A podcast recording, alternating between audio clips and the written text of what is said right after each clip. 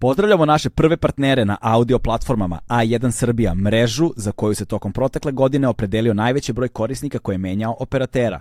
A1 ima najbolji odnos prenetih brojeva u i iz mreže, a time i rast broja korisnika prema ovoj kategoriji, blizu 10.000.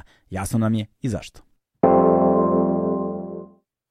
Legend Worldwide je domaći modni brend prepoznatljiv po džinsu i stilu, fokusiranom na stvaranje smirenog dizajna sa prizvukom modernog nasuprot bezuslovnom praćenju modnih trendova. A sada da a, najavim svog sledećeg gosta, moram da priznam da mi je ogromno zadovoljstvo što smo najzad uspeli da se nađemo posle toliko dogovaranja i da nećemo raditi online kako je prvobitno trebalo bude, nego će da razgovor biti uživo. I s druge strane, veliko mi je zadovoljstvo baš zbog toga što znamo da imamo ogromnu publiku u Makedoniji i ovo je prvi gost iz Makedonije kog smo najzad uspeli da organizujemo za naš podcast. U pitanju je legendarni DJ, DJ kultna glava makedonske i jugoslovenske hip-hop scene, neko čije ime zaista je suvišno um, predstavljati na neki poseban način, pre svega dragi prijatelj, a potom i legenda DJ Goce. Uživajte.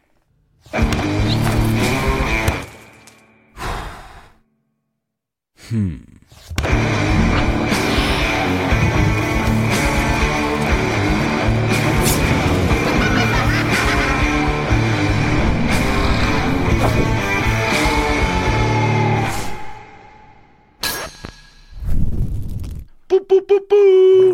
Гоце у кучи, Гоце, легендо моја. Ти си први гост из Македонија, брат.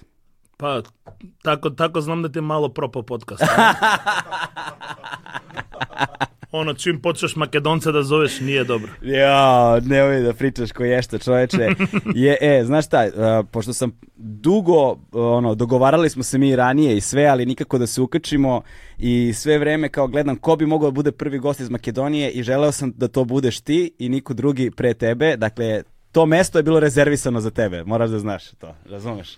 Velika mi je čast, veliko mi je E, brate, zadovoljstvo. isto. Veliko mi je zadovoljstvo, hvala ti puno i najdraže mi je što smo uspeli da se uvidimo uživo, da ne radimo online, to mi je, Da, da, to... znaš, ono, ne, ima nešto u tom online što uzima dušu u razgovoru. bre. Brate, dosta je bilo online-eva. istina, brate, Mislim, istina. znaš koliko setova sam uradio, ono kao... Wow, puštao sam za ovo, puštao sam za ovo. Gde si puštao? Pa, na, na Facebook. Da, Gde da. pa Instagram live. E, ali kako prolaze, brate, ti Instagram live- live-ovi, mislim, ja pre svega kao kvalitet zvuka me zanima tu, znaš. Kad je počelo sve, pandemija, kao počeli smo se smaramo, sa, ja sam u ovoj ekipi Dusty Donuts i tamo su po, više DJ-eva iz Engleske i počelo odmah da stižu dijagrami, ovo je našao ovaj adapter da kupiš za telefon, da ovo uradiš. Da, da. To je bilo na početak sa Instagramom. Pa izašla jedna firma, uradila karticu kao za telefon, pa svi kupili to i onda Kakvu inst- karticu za telefon? zvučno. Zvučnu karticu za telefon? Da. Uj, jebote. Kako to izgleda? IK multimedia, mislim da se... Pa ništa, USB-C, mala kartica, ono dobiješ i za iPhone i za Android dobiješ in out. Wow, jebote. Kao da, da možeš, znaš šta je bila fora? Da možeš da imaš mic Mhm. i da možemo ja i ti da pričamo, na primjer, posle su mi Instagram uradili ono da ima, da ima kao двојца да могу могу да аха, да, да шерују лајф. Да, да, да, да. А да, да. ова ти причам да е све било два месеца, три. Да, да, да. Јас су почеле ова моја екипа да рада Wednesdays on Wax, едно емисија. Почеле смо ми со Funky Fresh екипом исто да радимо Friends and Family, mm. да смо звали све диџеи со планета да нам раде лајвове. И онда Инстаграм отишол курат со копирајтом. Уф, да, тоа е заебано. И да, то постало грозно. Mm. Да, да нама гостот е Смеджи Шечер, кој пушта неки еклетик сет старих југословенских плочој да му уради пет копирајта, онех страјкова. Да, да, да. И почнува да после тако грозно да у почеток, знаеш, мало ти мутира траку и mm. све то. Почело е оно да скрос ти погаси фид. Уе. Тотални мјути. Да, да, да. Онда YouTube, па YouTube исто урадио, па да. Facebook е то радио, па била нека фора на Facebook, не знам, овако да урадиш, па...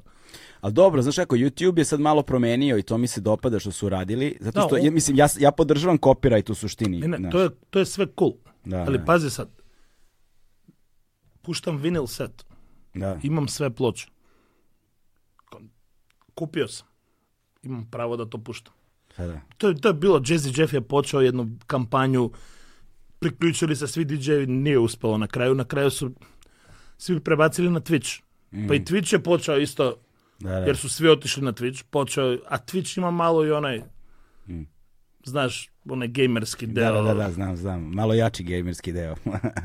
Ali nema, nema veze, mislim, YouTube je okej što ti, ti da da istaraš, Oni ti, oni, ti, oni, ti, oni ti samo lupe copyright uh, Kasnije. Na, na, ne, da, ne, lupe ti čim okačiš nešto, oni ti lupe copyright, ali ti samo demonetizuju video i monetizacija ide autorima. ali ne uvek. Ali ne uvek, a? Pa dobro, ono što prepozna, ono što je registrovano Evo stavimo set od Japanca, ovog DJ Koko Shimokita kad je bio u Skoplju.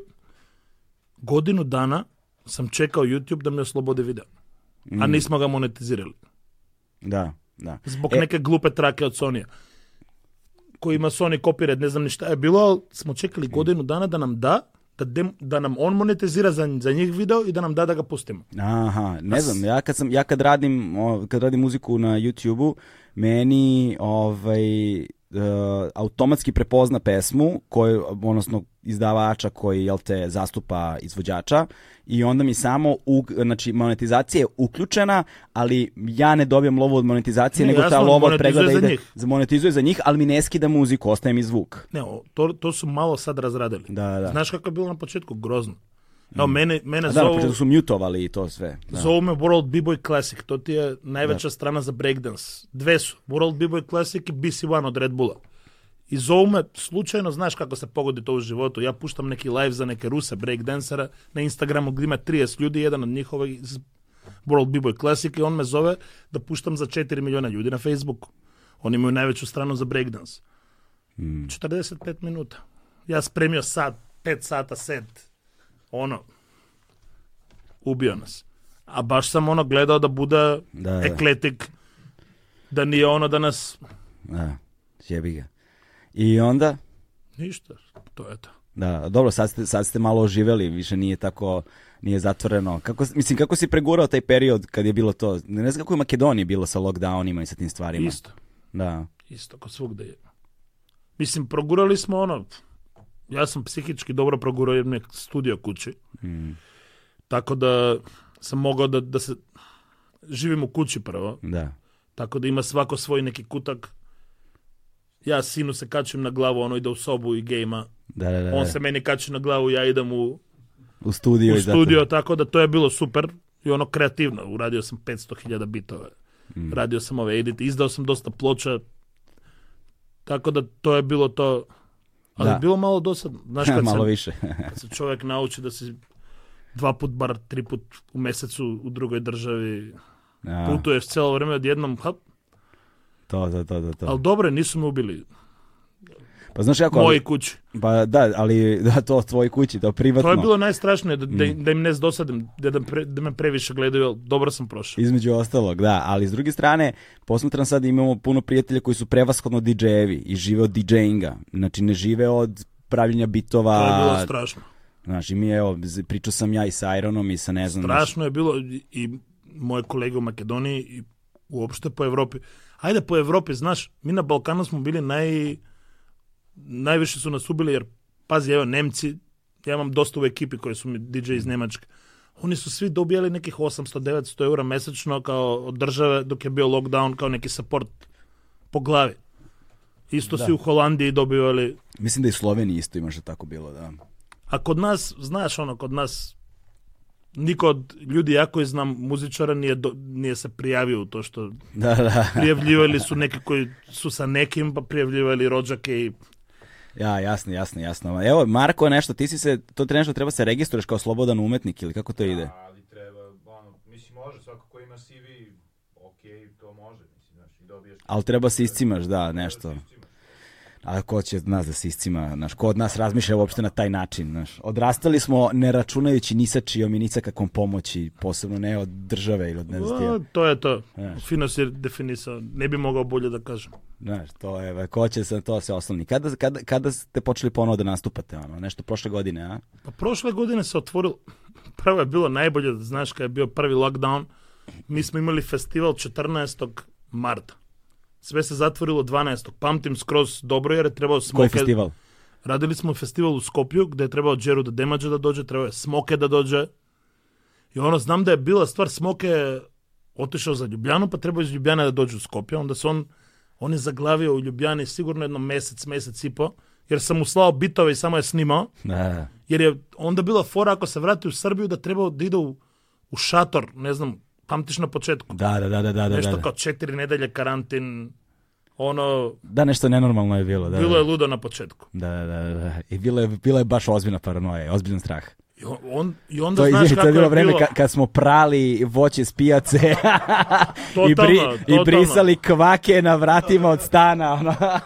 Jebote, ko je ludilo, a? Totalno. Nosili rukavice, one gumene, čoveče, svi živi. Ali sve je bilo kao, znaš kakva je bila priča, to je bio mart, ajde izdržimo kraj aprila, maj se sve otvori.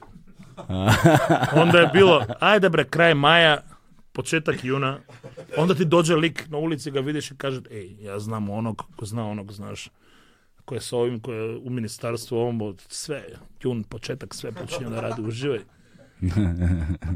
Znaš, ono, klasika balkanska je, znam ovog ko zna ovog. Rekao mi je je kao, i svi smo imali tu nadu nekako i nada poslije ne umire i ali ništa. Ali ništa, brate.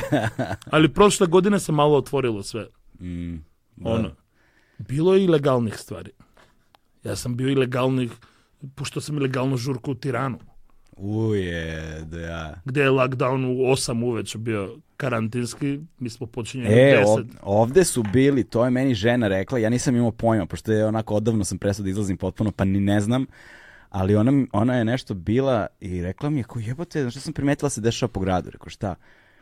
Kao, mi smo, mi smo izgleda kao posljednje dve osobe u ovom Beogradu kao koje su čule za to, jer kome god da sam pomenula, svi su u fazonu, pa da, kao normalno, samo mi ništa nismo, nismo znali da su bili ti covid partiji, koji su kao ile, znači samo prođeš recimo pored lokala i kao pokucaš na vrata, oni ono, očkrinu otvore i kao u- upadaj, znaš, samo da nisi neka inspekcija, nešto, to Voja zna 100%, on je Ali bilo je od šest ujutru, to isto bilo od šest ujutru. Kao lockdown, ali od šest možeš da kreneš. da ideš. Uje, evo ti kao, znaš, da, lockdown je šta, do šest ujutru je lockdown. Ljudi, ono, znaš, A mora da ostaneš do 6. ne, nego dođeš. Dođeš ujutru u šest, kao, kao je A dođeš ja na sam after mislio, pravo. ostaneš na afteru do 6 ujutro, pa onda bežiš. Pa afteri počinju u šest ujutru, kao, Pa dobro, neki, znaš, ono, PG-16. da PG rated, da, da, da, to, to, to, da. E, ovaj, i da su, do, kao prođeš, pokuca se, ono, kroz špijunku, kao, ne znam, znaš, bunkerima, nemam pojma, znaš, kao I nek... mene nisu zvali. Ja, ja sam lik koji izađem kad radim, Da, a inače sam totalni asocijalni manijak koji hoće da sedi u studiju i da radi muziku. da, da. To kad smo već kod muzike, i kod ploča, brate, šta si ovo lepo doneo, E, ovo, singlice, ovo, ovo su ti sve editi. Ovo Da. ti je ono baš DJ stvari. Strava, strava, strava, strava, ovde imamo Emil vrati se, E, to ti je Skopje Vinyl Convention. aha, To je ta konvencija koju ja i DJ Čvara radimo. Zorica Milosavljević, To ti je- Disco Par, Da, a, ovo nam je jedina ploča koja nije bootleg. Mislim, je bootleg, ali imamo dozvolu od autora. aha, to, to, Jer to, je to. Zorica Milosavljević uh, Disco Par, to je radio od Duke Bojađijeva, Duke je Mhm. popularni muzičar u Makedoniji. Njegov čale, Todor Bojađijev je radio tu stvar, a druga stvar je Kiril Džajkovski U, Kiril, da, da, sa da. Bastionom Emil Vratisa. Uje, Tako da to su neki editi koje sam ja malo sredio i ova ploča u ovoj pandemiji, ovo je bilo proglašeno prošla godina na 45 Kings grupi na, na Facebooku gde su svi DJ koji puštaju male ploče kao za najbolji single godina. Strava, A nama je bilo totalno ono čudno jer знаеш, тај нудиско фазон ја, ја почео да, да се ложе на, на странске вокале кои не разумеја. И да. прошло е нешто што е на македонском. Дидже Коко Шимокита из Јапана, негов менаџер ме назвал пар пута, тој е у моменту најбољи 45 дидже, mm. без премца. И ми сме го први донели изван Јапана. Уе. Први букинг му е Скопје. Здраво. И а, он, му е, он е топ izvrtao na par nekih live-ova za defektat od Ibiza, na ovo ono i, i podigao toliko hype ploča da sad je ova ploča u, u Japanu 350 plus dolara na Discogsu. Uuu, ovo je ozbiljan collectible, znači, a? Pa da, i ja nemam više, ovo mi je zadnja. O, Imam po- za mene kopije, ali- Počastvovan sam. a znaš šta je kako, kako kod svih ploča? Vidiš ploču na Discogsu, ne znam koliko pare, vidiš prvi komentar, kreteni, idite na sajt autora, uzmeš je za koliko što košta 5, 9 eura, 10. Diskog ti ono baš. Da, sve, Buvlja pijaca. sve, sve, sve znam, sve znam, sve znam. Žale se stalno ortaci koji skupljaju ono, posebno ova hardcore punk ekipa i oni A skupljaju znaš šta dosta. treba, treba prvo da urade? Da idu na sajt od labela. Ja ti garantujem da pola ploča koji koštaju puta 10, još Da. postoje na sajtu od labela i možda ih kupiš po retail. Pa da, pa moguće, znaš, ali sad zavisi šta se uzima iz koje godine i, znaš, ono, to je... Ne. Punk, punk je ono totalni collectible u 45-u, Da, znam da, da. kako imamo mi label jedan u Makedoniji koji izdaje, ne znam, jesi čuo za Fuck Yoga? Ne, nisam čuo. Oni, on baš seriozno izdaje hardcore, Mhm. punk, izdaje ploče, izdaje američke bendove. Da ja, evo. Upoznaću te sa Ifom nekad kad dođeš u Makedoniji. Može, brate, On može. ti ima dobru priču, leži Znači, u njemu. posljednjih godinu dana imali smo ono pet različitih planova da dođemo dole i nikako da se, sve se izjalovi čoveče, znaš. Love in the game. To, to je neki nemački label, neki editi. Ovo je A, Dusty Donuts, to je ekipa gde sam i kao producent i kao DJ u DJ ekipi. To je internacionalna DJ Mm. ekipa gde su Mark Hype iz Berlina, Jim Sharp iz uh, Londona, Noti NMX, Da, da, da. Dusty Donuts, to me sad podsjeća, sad me, sad, sad, sad me podsjetilo na Donuts J. Dille, pa me to vrati na J. Dille, pričat ćemo. Zato, sam, Pa da, zato nosim majicu, ovo je kao neki omaž za Stakes is High, Da, da, single da, od da. Dela Soul koji je radio Dilla. Da, to i pričat ćemo, pričat ćemo o tome, tome i Fat Philly zvao bio ovaj, da se napravi Da, za ta Balkan Loves Dilla. Balkan Loves Dilla regionalna... Dobro, znaš, malo smo, to smo počeli, Ali sam, ajde objasnim ljudima o čemu se radi dok prolazimo kroz ove singlice, ono. Ok, pazi, mi smo, mi smo, svi smo voleli Dilu, njegov legacy, sad ima i knjiga jedna, ko želi da to pročita, ja to bi preporučio tu knjigu ne samo ljudima koji vole Dilu, nego ljudima koji interesuju uopšte Da. uh, groove muzik. Da, ali čekaj, taj Dan dom... Carnes se zove lik, uh, uradio je knjigu koja se zove Dilla Time. To je izašlo 1. februara i odmah je postala za nedelju dana na, na, otišla na New York Times broj 4 na... Da, e, a Donac kad je izašao, čekaj, to sad pokušam se setim. Dila je zapravo, jel on, jel objavljeno posle njegove smrti? Pa on je bio bolestan kad je Pa radio. da. On je bio, po, kad je radio Donac, on je bio u krevetu. Pa da, da. I onda, da li je sad kao objavljeno kao nešto posle smrti ili je umro tipa sedam dana pošto je objavljen album ili tako nešto? Treba da proverimo to. Da, da, da, da. Znam da je to nešto baš blizu bilo, da je bolestan radio i da je objavljivanje albuma baš blizu sa, sa datumom njegove smrti. To je neki februar bilo tako nešto, ne? A, on je 10. februar je preminuo, Tako a je, da. rođen je 7. Da, da, da, da, da, to je Ti su Ludilo, ludilo, to je i... Dila datum i ona. Da, bio je, bio je legenda i tada, ali posle toga je njegova legenda ono utemeljena И као, и шта, и шта, и шта, и шта ми се... радили, пази, мисмо радили у Македонија Дила, uh, Just Дила нам се звали евенти. Mm. И онда смо 2017 или 18 рекле, ајде мало идемо level up. И еден ист, менеджер из uh, полу Хрват, полу Србин кој ради у Француској, знаеш како иде тоа, објавио е турнеју Ила Джеја. Ила Джеја брат од Джей Дила. Е, објавио е турнеју попут септембар, ја га зовем, кажам, 10 февруар. Ја ми каже, окей. Уе. Да ми неку цену. Најкул. Да, ми да. букирамо Иладжеа. И онда јас се сетим да постои лик из Валјава, кој се зове Влада Стојановиќ, кој е дел од Джей Дила фондација. Влада е 2006 почна да волонтира за кад ја премина од Джей Дила, mm. да помаже Мадукс, мајки од Джей Дила, Ма, Маурин, негови сестри, помагува им око мерч, око свега, и они постоа дел фамилија. Ja i Vlada smo, tako smo se upoznali, pričali smo online, Vlada je os- osnova Balkan Loves Dile. Mi smo se upoznali, pričali online, znaš, o dili, o gruvovima, o muzici, ovo ono. Ja sam ga nazvao te 2018. i rekao, čuj, ajde uradimo nešto veće. Ajde zovi Madux, daj da bude Skopje official event. Evo, imamo Ila J-a, dovedem neke beatmakere, radimo live, radimo ovo, moja DJ ekipa, Funky Fresh, ja, Čvare, Drazi Drax je bio. I Madux totalno stane iza nas. To mislim, vlada je sredio sve. Da, da. Sviđala joj se ideja. Dobijemo ona totalni support, uradi video za Skopje. Pazi, tad, tad su bila tri videa za J. Dilla tributa. Jedan je bio LA, gde, gde su radili ne znam šta. Bila ova ekipa J-Rock iz Beat Junkiesa, tu su sve Dillini ortaci. Drugo je bilo Symphonic Orchestra u Londonu, koji je radio tribut iz Skopja. Zdravo, brate. I znaš, ono, ljudi, ortaci, menadžeri po Evropi koji komuniciramo kao, jebote. Kako ovo, kao, Madux vam uradila video i sve. Mm. A to je sve bio vlada. I onda mi smo prošli super, mi smo i donirali deo od a, profita od eventa, ono za fondaciju i bio je plan da sledeće godine, da nije počela pandemija, Mm. ideja je bio da dovedemo Madux i Maurin nekako na Balkanu, da uradimo neke workshopove, malo awareness i za Dilu, i za njehov, on ima lupus, znaš, Mm. sve te priče i onda se sve to pauziralo. A1 je prvi prijatelj audio izdanja Agelast podcasta. Ali onda vlada je pričao sa Filijem, A Fili je Fili. do, ne, došao je vlada na ideju da ajde da se svi sakupimo zajedno. Mm. I kao smo imali sastanak jedan kao ajde nas trojica kao da organiziramo to. I počeli smo mislim mi smo dobili ono Balkan Loves Dila.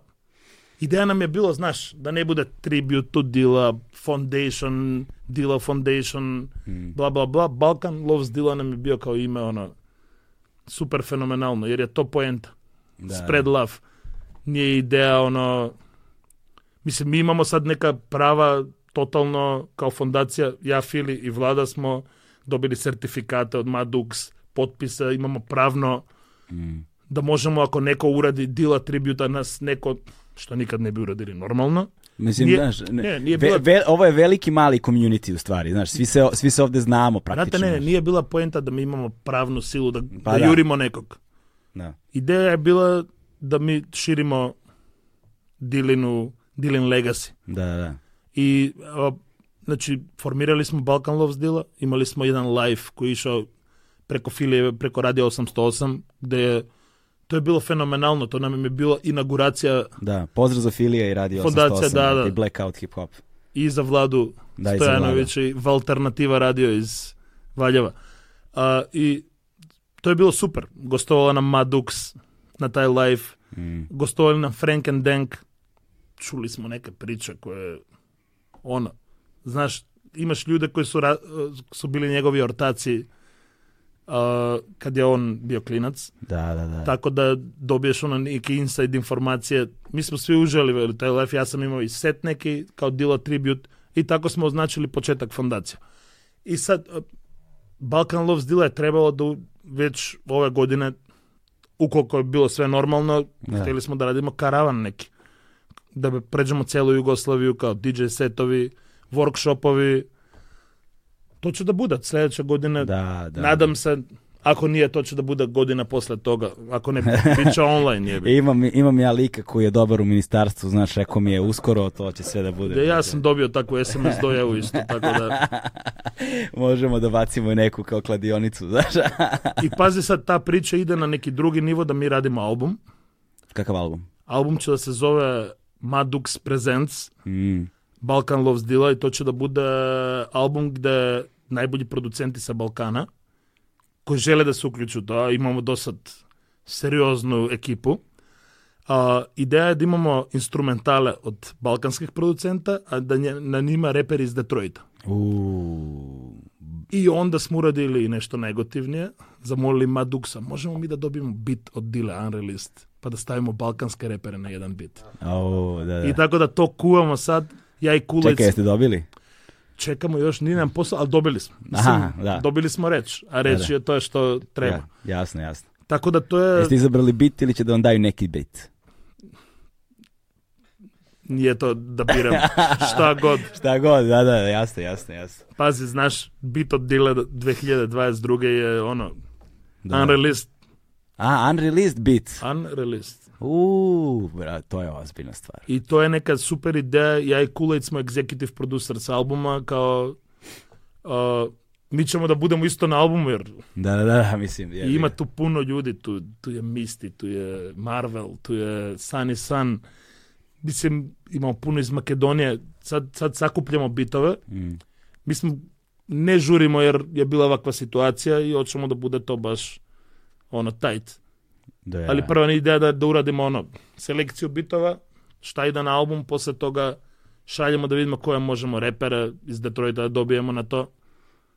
Ali tu je Mad Dux, tako da imamo super support. Strava, čovjek. Tako da to je znam. Balkan Loves Dila, mislim, Biće ta priča, ja se nadam da jednog dana dođemo ovde sa Madux, Da, ja, u, Fili i Vlada. Zdravo, zdravo. Za, Biće poče- to- za početak ti Fili i Vlada, samo dođete da se podružimo ovde. Ne, ne, ne, mi Pošto sam, dođemo... izvini, pošto sam Filija radio online, a trebalo je da bude uživo, znaš. Filija, brate, da se sedne i da se priča, čovjek je živa Da. enciklopedija. Ono. On ima kilometraž. On je arhiva i enciklopedija i to i on se baš trudi da ostavi te Da, legacy. on radi sad muzej tamo. Muzej hip-hop, hip-hopa da. Je, ga, ono, on je čovek memorablija. Mislim da oni Mark Hype, ovaj Nemac, da imaju najviše memorablije na planeti.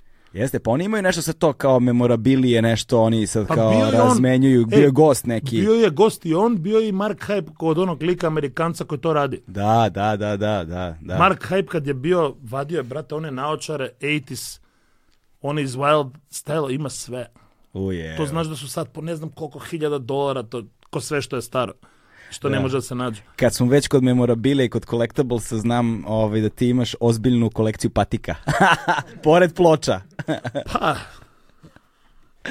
znate, lečimo frustracije iz mladosti. Hajde pričamo o patikama. Znate, nisu nam kupovali patike kad je trebalo. I sad mi ono kompenziramo. To. To ti je isto, znaš. Šta skupiš, Jordanke? Air Force?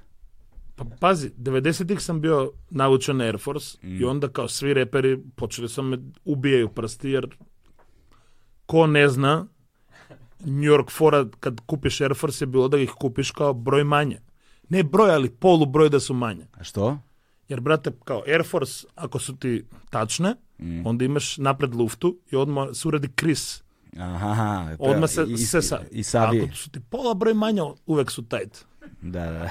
I tako smo nosili Air Force krajem 90-ih. I zato svi imamo sjebane prste. Imam ja još desetak, petnaestak Air Force-a, ono, teško se nakanim. Da ih obuješ. To isto. Imam, Timbe, timbe voli da ih nosi. pa i Timbe mislim da je sad se okrenuo prema Air Maxovima. To džus će da mu se smeje. Kao. Da. Svi, svi idemo na džusova. Rekao Jebi. mi Timbe kao kad idu godina kao Air Max me je najudobnije kad puštam muziku. Pa jeste, brate. I je. Jeste, jeste, jeste. Ja volim, ja, ne, ja ne, nisam neki fan patika i to, ali volim Keca, Air Max 1 on mi ostaje, što nekako mi se povezuje sa tim old school hip hopom, ali sa old school tom hardcore punk scenom, dosta njih voli Brate, Air Max 1. Cats, oni crveni i plavi. Da, da. To imam dva OG-a i to su mi kao favorite dve patike. I udobne su I dovoljno. nerviram se, ne iza, izašao taj anniversary kad sam ih kupio. Da. Ja imam problem, nosim 47,5. U, je, da, da. I onda je onda Tim zovi ove one way u Ljubljani. E, ajde, ortak je u Češkoj, aj proveri u Amsterdamu, a tražim brojeve po Evropi. Kad mi je neka dobra patika. Da. A fora je da nikad, znaš, ako voliš patike, imaš i neki kodeks. Moj kodeks je da ne kupujem over retail, nikad. Znaš šta znači over retail? Pa, brate, sad ja mogu da kupim svaku patiku na svetu ako je platim. Da, to, da, da, da. da. Ali poenta koliko je maks? 150 eura treba da bude. 130 Da. su bili kecovi kad su izašli zadnji anniversary. Neću da ih kupim 500. Da, da, da, da, da. To je moja ono, retail cena ako je 130, ja ih kupim ili 130 ili dola. Ako je nad toga, ne kupim. A, kao to. To mi je kao kodeks. Aha, dobro, dobro. Znači ti si ipak ono umeren donekle. Nema poenta ono Koliko patika imaš? trocifreno. U parovima. Znači, ta, znači trauma je, znači trauma je ovaj Moja za ti žena najvjerojatnije zna tačnije. Jer uvek, brate, problem je kad ideš iznad 50 kad dođeš više. Mm. To je seriozan problem. Što? Gde ćeš da ih držiš? Kad čuvaš i sve kutije. A čuvaš i kutije sve. A da, ti si skroz u tom A pritom si gear hoarder koji ima i par hiljada ploča kući. Imam 30 samplera i sakupe se stvari. a, a, da godina, sad a godinama se to Sad radi. sam u fazi da, da kupujem samo nešto ako mi je ultra da, da želim Aha. nešto. Ja, ona treba da je neka patika stvarno zajebana koja evo prošle godine sam one Toro petice, to sam ono bio u momentu, hteo sam da ih kupim u New Yorku kad su bili 900 euro. Nisam ih kupio normalno jer Jer si Razum- zdrav čovek, normalan, da. Nisi još poludeo potpuno. a, ali, Ali si bio blizu. pa ne, ali znaš ono, kažeš sebi, pa jebote bi jedan par, a, a, a i onda fiša, maraši. Da, da, da. Ipak smo mi ovde iz Balkana. Ne, i, i pandemija malo mi je pomogla da, da iskuliram, da, da staviš prioritete na mesto. jer sam dve godine išao kući u papučama A, to. i shvatio da... Da su papuče najudobnije. I onda kad šetam kere imam dva, tri para patika koje se lako peru. Aha. Imam Rottweilere i on uvek skače po patika. Imam neke Air Max 90 crne takve. Da, I to sam više nosio nego ovo sve drugo. da, da. da. Kec mi je lepše 90-ice. Ono. Sad zavisi, ukusi se naravno razlikuju. Brate, ja volim sve. Pa, vidim, Volim Cortez, a, Da, ne da, mogu, a najčudnije patike si si nosio Cortez. jesam, jesam, jesam. Ja, To ti kao da si na štiklama, ne znam. Ne znam kako da si na Da, štiklama, bile, bile su neke, ali bile su neke valjda je tako nešto. Bile su neke Cortez koje sam baš gotivio, a, ovaj, dobio sam ih na poklon kada mi je Nike bio sponsor nešto pre, ne znam, 15 godina i više.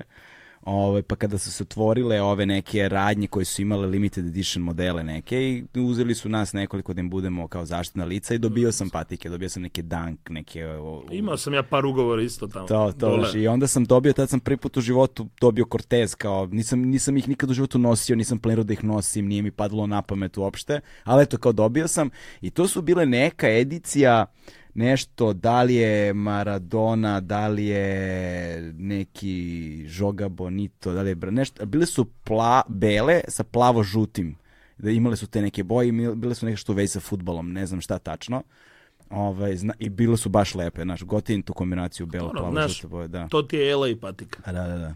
To Ono da se osjetiš kao čikano iz LA-a. To, navučeš čarape do kolena, vrate. Ono Dikis, Da, da, dik, Dikis čarapa do kolena, Dikis košulja, to, to, ili to, to. Starke crne, ili Beli Cortez. To, to, to. A vidiš, to su i, i slični brendovi su to i, i na toj hardcore sceni ekipa Dickies, ono, Seku se svi živi. Dikis je brend koji je bio najjeftiniji. Pa da, radnički. To je radnički brend. Radnička- Carhartt je bio to, pa je otišao u Da, level up. Odavno, da, Carhartt je. Mislim, Carhartt i Dickies devet- je otišao isto prilično, ima, ali, Ali se Carhartt odvojio. ranije, Carhartt je još 90-ih počeo da uzima metod mena ovog, Da, da. onog. Počeli su da, shvatili su da imaju Jeste, jeste. Ovde je svojevremeno bio, ne znam da li dalje postoji, mislim da ne postoji. Slovenci su imali ovde te neke skate shopove, A med, svi med, smo kupovali, i to. svi smo kupovali kad dođe prolet, uzmi sve, sve kargo u moj broj. Da, da, da, da. I onda Carhartt prestao da radi kargo šorceve. To Mm. je cela punk, hardcore, rap, rap scena. Svi su nosili kargo od Carhartta. Tako je, jeste. To svi. nam je bilo ono kao signature. Da, Dođe, a, s- a je topli od 17 stepena 18, svi su Carhartt Tako kargo. je. A nema, sad ne možeš da nađeš. Mm. To je ludo skroz. To, to, to, Carhartt, Carhartt Cargo Shorts, uh, plitke čarape Air Max Cats, to je, brate, bio, znaš, majica benda i dobar si, brate. Znaš, to je to. Univerzalno sranje. Sve, svi isti, ono, pređeš pola sveta da čuješ neki bend i svi izgledamo isto. Tad su bile, ono, klasik Vans, Vans Slip On, to se skupljalo, brate. Vans su sad uradili takav comeback. Mislim da, Da, su da, da. postali toliko fashion, Jesu, jesu, jesu, jesu, jesu, to, to, to. nosi ih svako ono sad. A, ali dobro, to se desilo sa mnogim brendovima. Pazi, ja znaš. pamtim, znači, u Skopju, Znaš, Ramones majice se kupuje u Zari, brate, za 10 evra, dobro. razumeš? Tako da, znaš, to je sve otišlo, nije to više to. Ramones, Run DMC, to sve... Da, Rolling Stones, šta sve već, ne znam, Slayer, Slayer jebote, Slayer, Da, pa i Anthrax, mislim da, Da, i Antrax, da, i Antrax, mislim. Znaš, čovječe, Antrax mi je bila jedna od prvih ploča, brate, ono, mislim, kao, Sad imaš u Zari. sad imaš u Zari, da. A tada E, pustiš dok, Antrax, pazi. nekome ljudi polude kad šta slušaš ovo. Pazi, ali, ali ako jedan od bar od klinaca koji kupi to, iz Google i, I bar posluša. posluša to, oni su uradili neki... Da, jeste, uradili su dobar posao, uradili su dobar posao, to je istina. To Ja je, pazi, pamtim kad si pričao sad od skate patikama, nije bilo u Skopju skate shopa da. 90-ih. I ko ide za Ljubljanu, Ljubljana je bila prva koja imala skate shop. Mm. Sad ne, možda mi ne tekne ime kako je bilo skate shop. Tamo sam kupio prve Arnet, cvikare kad je Arnet bio još skate brand. Pre nego su ga prodali. Mm, jeste, pa ske, s Ljubljana, Ljubljana, u Ljubljani smo isto i mi kupovali, ali ono, 90-ih je ovde mnogo popularnije bilo a, da se odlazi u Mađarsku, samo se pređe granica i onda se kupuje tu i ono i tako su, i tako su prodavali ovde. To je ono, sad se sećamo Paje i ekipe, razumem, a, Mikica i drugari kupe, ne znam, sedam majica, tri, četiri para pantalona, pa ča, tad su se kupovale one fat laces, kao debele perte, Da, su da, bile za bilo- skaterske patike i to, znaš. I onda se kupi, znaš, i onda obučeš sedam majica na sebe, tri duksa, tri pa, pantalona, znaš, znaš, i na, znaš, deset ortaka, tako ode i tako, znaš, i onda u bus, vraćaš se nazad i, i onda te stvari vadiš, peglaš, savijaš i prodaješ, brate. Tako su se Tad, prodavale tad su stvari. bili skateri 15 ljudi. Tako, da, da, Reperi su bili 20. tako je, da. Družili smo se zajedno. Na Jeste. početak, каде почела реп сцена у Македонија, оно баш прве журке били со клубук да се пуштала хардкор и панк музика. Mm. И као су били репери, панкери, хардкорци на едној локација, онда металци су били на друга. Да, металци су увек били одвојени. Увек били су друга фора. Да. И онда 2000-та отишао реп со техном, со mm. хаосом, со електроником у клубовима. Да, да, да. Тој е био код нас неки шифт. Jeste, jeste, jeste, jeste, prilično. I ovde je bio, ovde, znaš, ovde kad smo bili klinci, hip-hop je bio po rupčagama uglavnom. Znaš, ono, ta, setit, će, setit će se ljudi mesta kao što je džungla, kao što je ruf, kao što je, ne znam, znaš, bila su to po Beogradu, sad pre svega govorim, tu znam, tu sam izazio, naravno, bunker, eh, doma omladine, St. James sala, takozvana, znači, to je bilo sve, i, znači, to je bilo to, znači, bunker se zvao kada se ulazi s druge strane i onda ne prolaziš kroz glavni hol, nego si direktno u tom malom klubiću, a St. James kada se ulazi kroz glavni hol, ali isti klub. Pa nema veze. Znaš to, i onda kad je bunker, onda je hardcore, kad je St. James, onda je rap veče, ali je, ali je to isto, manje više ista ekipa. Ono, pilo se zofm pivo, igrao se bilijar, znaš i kao to je to. I nosili smo ono kačkete, kapuljače preko kačketa i bili su uglavnom samo muškarci na događajima. I, I to je bio samo, i tad se puštao uglavnom samo ono repčuga, baš najtvrđe, Najtvrđe. najtvrđe. Stvar je postala malo mekša kada je R&B počeo da se kombinuje i tada je krenuo taj shift i tada je počela se pojavljati ta ekipa, ono, tad su prvi put te večeri dobijale neke petke, petak i subotu, dobiju do tada su bili četvrtak ili nedelja, recimo, budu dani, a onda kreće petak, subota, zato što je odjednom R&B počeo da kupi tu ekipu koja je bila house publika. I onda je tu počelo se meša. Brate, to je bilo ceo movement u svetu. I to su, to je početak 2000-ih tačno, znaš, to, to. Sad ovaj komercijalni aspekt koji imamo danas, tad je rođen. Tad je, tad je otprilike Pa rođen, da. Puff Daddy, Da, da, da, to, je- da, to. Desio se taj switch, ta muzika i 2000 se promenio i sound dosta i hip hop je postao širi, mainstream, više pop, znaš, pa i tu 2003. četvrta se malo izgubio. da.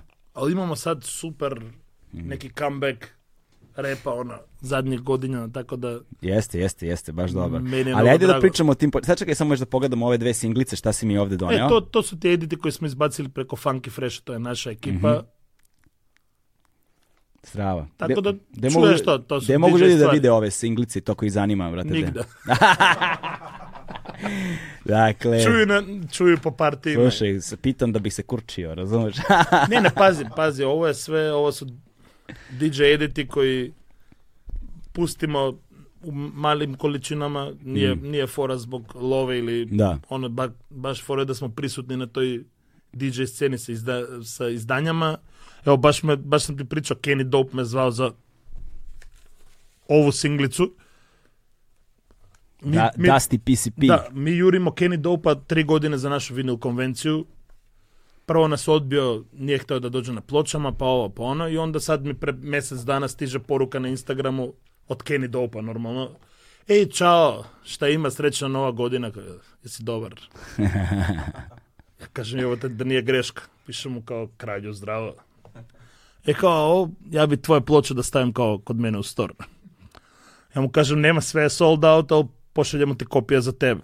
Jer to nam je fora, ono, kao, nije ideja da šljakamo lovu, Mm. nego ideja da ploču, ploče malo urade.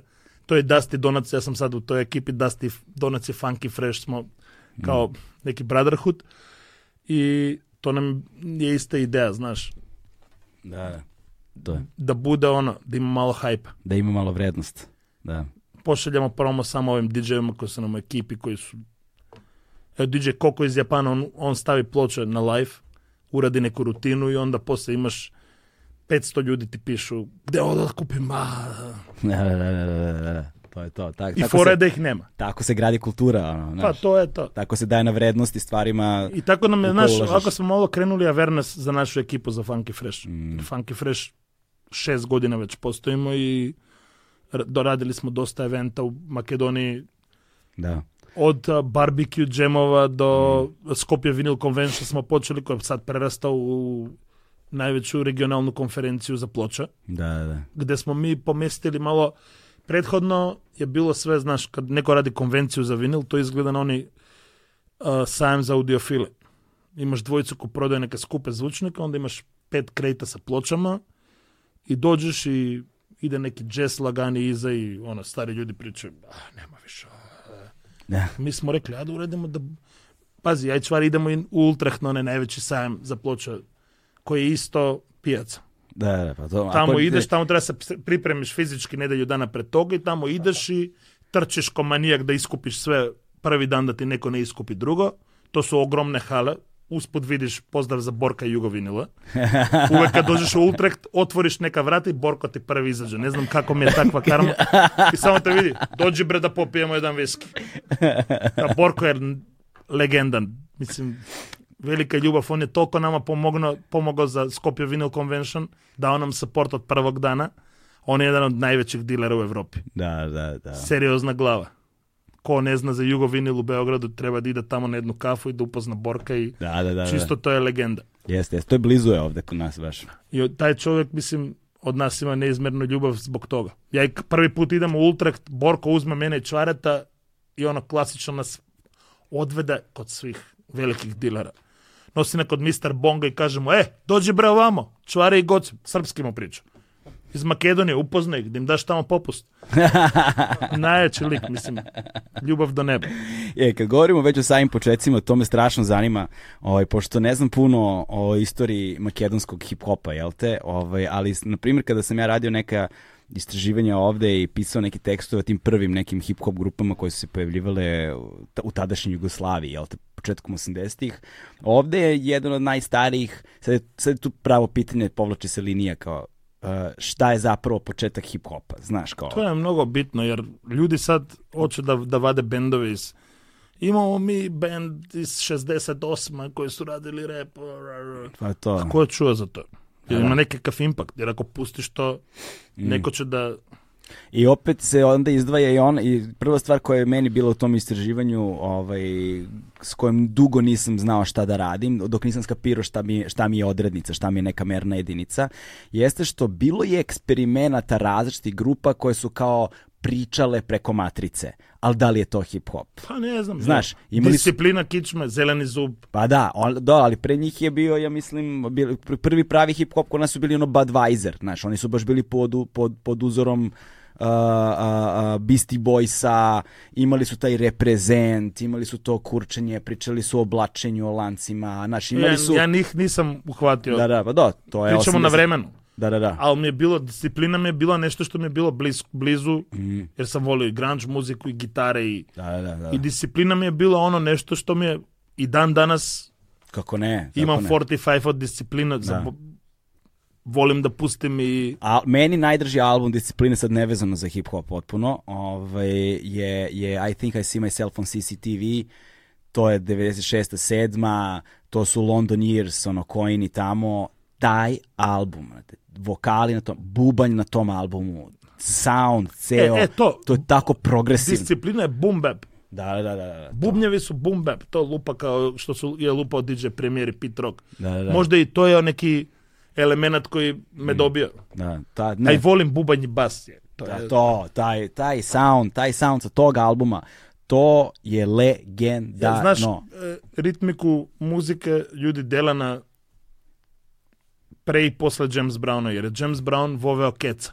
Mm, Šta ti je kec? Pre toga je bilo taka, taka, da. taka. ona Motown, sve, znaš, disco ritmovi. I, I cijela muzika je išla tako. Imao takvu progresiju. Onda James Brown do, doveo keca kao tak. Da, da. I onda se vraća na kec. Pa, to je rap. Mhm. To je pazi, Parliament je bio Parliament sa George Clintonom koji je u Motownu radio Da, da, da. stringove i on, mi je, on mi je prvi pao na pamet kada si rekao da ovaj ortak skuplja cvikere, onda sam se odmah setio George Clinton. George Evo, Clinton, pazi. Bootsy Collins. E, pazi, Buci kad je došao kod Georgia, Da. Buci je bio kod, bio u Jabis. Buci došao i donao mu virus od James Browna. I onda je postao od Parliamenta Funkadelic. Mm. Počeo isto na Cats da radi muziku. I to je disciplina. Na Cats muzika, to je sve ono, Da. znaš, to je int- interesantna podjela muzika, ali James Brown je sjebao Matrix. Totalno. Da. On je izmislio to što, taj Jest. funk. da, da, da, to je on. On pa- je promenio igru. I, ovaj, I onda sam naleteo na, naleteo sam na grupu iz Makedonije koja je kao repovala, to je bilo baš smešno. Da li su se zvali Supernova ili tako nešto? Rep, rep, repujemo nešto kao, kako se to zvalo čoveče, sad ću ti nađem, e. To je onaj Darko, a, a, ne, Darko, kako se zvala stvar, a to, to je pop, nije rap. Ba pop, da, da, nije naš, nego, nego, ali su bili kao, oni su zapravo prvi nešto tu i koristili su reč rap i kao nešto je bilo bolje da s, e, repujemo nego da ratujemo. Jebote, tako neki je tekst bio čoveče, popuno sumano, sad to ja moram da rađem, razumiješ, to nije ono... I ne moraš. ali šta je u suštini bilo prvo uh, u Makedoniji u to vreme, znaš? Prvi album, Most Wanted, Mhm. 95. drugi Čista okolina. To su bili dva albuma koji su rap. Pre toga ima ploča Ena Veko, Evo ga, brate, našao sam ga. Ovi, 89. godina. pa dobro. Znaš, dobro, znaš, kao, ne, samo sam to našao. To Imaš, je. imaš i Ena Veko, ima ploču. Aha, To je ženska koja repuje. To je Toša Pop Simonov, moj prijatelj, radio album. Legendarni makedonski producent. On nije reper, ona nije reper isto. Uradili su nešto što je kao rep. da. ali nije to to. A ovo pričamo čista okolina i Most Wanted odavde počeo, to je rap. Da, da. Ja na čistoj okolini Most Wanted pcuju me na albumu. Tako da to mi je ono kao claim to fame, znaš. Da, da, da, da. Pominju me na prvi album. A, i, a onda na, na drugi album stojim kao da sam dao ritam mašinu. Kao hvala Čaletu, a i Gocetu za ritam mašine. Tako da na prva dva albuma me ima. da. Tu si ti ukucao, na, postavio svoje temelje. Pa znaš kako, čista okolina mi je bila omiljeni band kad smo bili klinci. To je bio i ulični ritam, još jedan band koji nikad nisu izdali svoj album, a su bili dobri. Da, To su mi bili drugovi, su me puno inspirirali u životu. ono. Čisto okolina su mi bili ono favorite band, ali oni su se okrenuli 94. kraj da rade old school. Mm. I oni su ono totalno otišli, 95. su izbacili album, pazi, 95. je više Golden Age, ono, najbolji rap album izlađe od 93. četvrta. Tako je, da. Od, ovi, od ovi rade, do... Da, oni rade Run DMC. Da, da, da, da, da. Sve cool, ali meni je bilo kao, a, ono što ste radili pre mi je bilo bolje, kao... I onda Pikisipi, koji je bio u čistoj okolini, mi smo uradili 93. on je došao u SAF, Mhm. Tak, tad smo počeli, prvi demo smo imali za radio, to nam je ono, bilo, u Makedoniji je bila emisija koja se zvala Black Chronic, Crna hronika, Gde se puštalo? De, na, to je bila radio to je ili... bilo na radio a, kanal 103, Mhm. na, to je bilo radio od makedonskog radija i ta emisija ti je bilo, znači to je počeo Freško, jedan lik koji je 92. intervjuirao gangstar u Londonu i onda je preuzeo Vigi, lik iz čista okolina i to je, on je imao rubriku Listen to my demo, gde je imao sample od uh, EPMD, Li- Listen to my demo, Eric and Perish making dollars. I to je bilo kao, ako ti si legit i si reper, tvoj demo treba da se pusti na crne hronike. Mm. Svi su slušali to. To je vreme pre YouTube-a, pre interneta, pre... Da. I to je bilo to ono. Kad tamo te puste na crne hronike, onda, ok, ti postojiš, imaš demo band. Pre toga nemaš ništa. Da, da, da. Mi, tamo smo, mi smo- smo imali takvu emisiju Geto na radio politici, još nekoliko emisija, ali I da. to, je, to je bilo ono baš legendarna emisija. I tamo smo mi 93. prvi demo. Mm. I onda čista okolina kad izašao album, Mitku su dali ultimatum kao Saf ili čista okolina i on, mi smo produžili Saf, Da, da. uradili kao prvi studijski snimci, prvi singlovi 96. Onda 98. smo snimili album sa Fizam, potpisali za Polygram, to je bila konkurencija kao, Polygram je došao u Makedoniji preko imprinta koji se zvao Indigo Mm. i stavili su tri benda kao koji su im bila najcool u momentu, to je bila Anastasija, Arhangel i Saf. Da. Mi smo imali sreću, najverovatnije što je lik slušao rep koji je bio direktor. Da, da, da, da. Jer ne kažem da smo bili bolji od Anastasija Arhangela, ali smo mi bili izabrani, dobili smo neki ugovor kao klinci, pazi. Koliko ste vi tad imali jebote? Pa, 98. ja sam napunio 20. I mi dobijamo ugovor gde imamo kao tri nastupa nadvor iz Makedonije, bla, bla, bla, koji totalno nema logike da pričamo sad realno. Da, da. Gde bi išli mi nadvor iz Makedonije, mislim, niko ne razume jezik, ali možda do Bugarske. I u Srbiji ako sporo pričaju. Da, Treba da repuju na ono. da. To, to je realnost makedonskog jezika, nažalost. Imamo super MC-eve, nemamo publiku. Naša dijaspora sluša turbo folk. Da, svuda je to ono, ali sad se prave te kombinacije, čuo sam svašta ono, znaš, to se sada, I pazi, taj, autotune je promenio i tržište. taj ugovor, ono. ono, mi idemo gore, wow. Mm. Jebote i onda nas jebu totalno. Da, da. propadne sve. Desio se, tad se Kosovo desilo, mislim. Mhm. I ovi su kao stopirali sve u Makedoniji jer je rat u blizini, bla, bla, bla. I dve godine nam je album stajao onako u i Piki Sipi, Mitko, on je bilo, bio energija koja je Mm. išao i, i pokušao vamo, tamo je dobio neki grant negde, ko zna kako, dobio Soma, Marak, Da. mi otišli prvi label jer nismo imali pojma, evo ti kao novac, izdaj nam album. I to je bilo to ono. Jeste uzeli nešto od albuma? Bolna priča, ali nema veze, uradili smo nešto što je ostalo. Da, da. Imali smo sa tim labelom poslije problema, pa kao proda, prodavali su nas na iTunesa, nisu imali pravo i Znači, to je ono, ta boljka izgleda ista svakoj zemlji, znaš. A, znaš kako, ja ne mogu da razumem Posebno, ljude... posebno u ovim tranzitnim vremenima, posebno u tim tranzitnim vremenima, dok još uvijek, bre, šta smo znali o autorskim pravima tada, šta smo znali o distribuciji, o Ništa. tom, ništa. Ne. Mislim, mnogi autori i dalje ne znaju, znaš, to je najgore od svega. I dalje, mnogi danas veliki autori, izvođači, još uvijek nemaju razrešene probleme od tad, ono, od pre 20 godina. Znaš, muku muče s tim stvarima. Da, ono, mi smo, ok, još nismo stavili na, na iTunes, nigde nema album, Mhm. Ali, Kako, je- kako ste se vi okupili? kako misliš? Pa Saf i to, kao. Pa to je ta bila priča, 90. Da, da. Smilen mi je bio, a, Smilena sam upoznao u šesti razred osnovnog. On je slušao neki dead metal, zajeban i posle je bio u core bendovima. On je u osmi razred svirao u Bloody Georgie, a, Nekro Jagotke, to su bili ono grindcore bendovi. Zato ima onaj glas Da, da. kakav što ima. Pa da, taj Imao glas... jednu gitaru koja se zvala Smiki Caster, koja je imala najviše bruma na planeti. To uključiš i... I Smiljan je bio ono poseban lik. On je u šesti razred imao bradu. Ja nisam imao na 20 godina bradu, nisam mogao da spojim bradu, ovo je u šesti razred imao ono. Da, da, da. I ja i Smiljan smo ono, počeli zajedno rap da slušamo. Šta ste prvo slušali? Počeli smo Gangstar, Cypress Hill, kad je prvi Black album. Sunday. Prvi album Cypress Hill, Da. kad je izašao, to nas je odlepilo skroz. Pa onda smo preko Cypressa House of Pain, pa Mm. EPMD sam otkrio tad. Ono, baš ono zajedno počeli. Onda Piki Sipija sam znao Mm. iz grupe Čista okolina, ali počeo on je imao interes u jednoj curi kad sam bio prvi razred gimnazije iz mog klasa, pa dolazio do gimnazije i onda ja i on smo bili onako, znaš, cool, znamo se, yo, ovo, ono, a onda smo počeli da pričamo, kao dva, tri puta seli zajedno i jebote, mi slušamo istu muziku.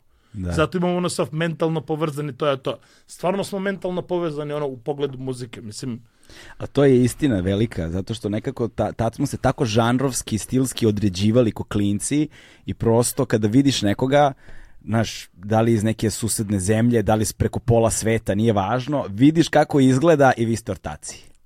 I, ali kad vidiš, dovoljno je da staviš, sastaviš i to staviš na papir, sjećam se u školi Pazi, smo to radili. Mitko je Navedi de- bio, bežali su ljudi, mislili su da prvo, prvo on je bio lik kojem su, dok nije postao popularan da ga poznaju, svi su mu pričali na engleskom. da, da, da, On je prvi nosio čarape, imao je afro, da, da, da. ima taj crnomurasti zajebani luk. On je izgledao kao da je iz Njorka.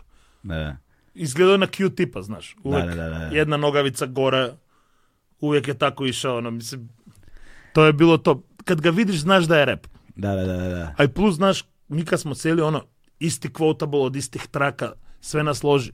I mene, i Smilana, i Mitki, tako, znaš, tako, tako ali, dođe ali, to. ne, ali neverovatan je taj uticaj, posebno tog, sta, tog old school repa na, na ovom podneblju. Da li je valjda zašto je podneblje malo takvo i tvrđe?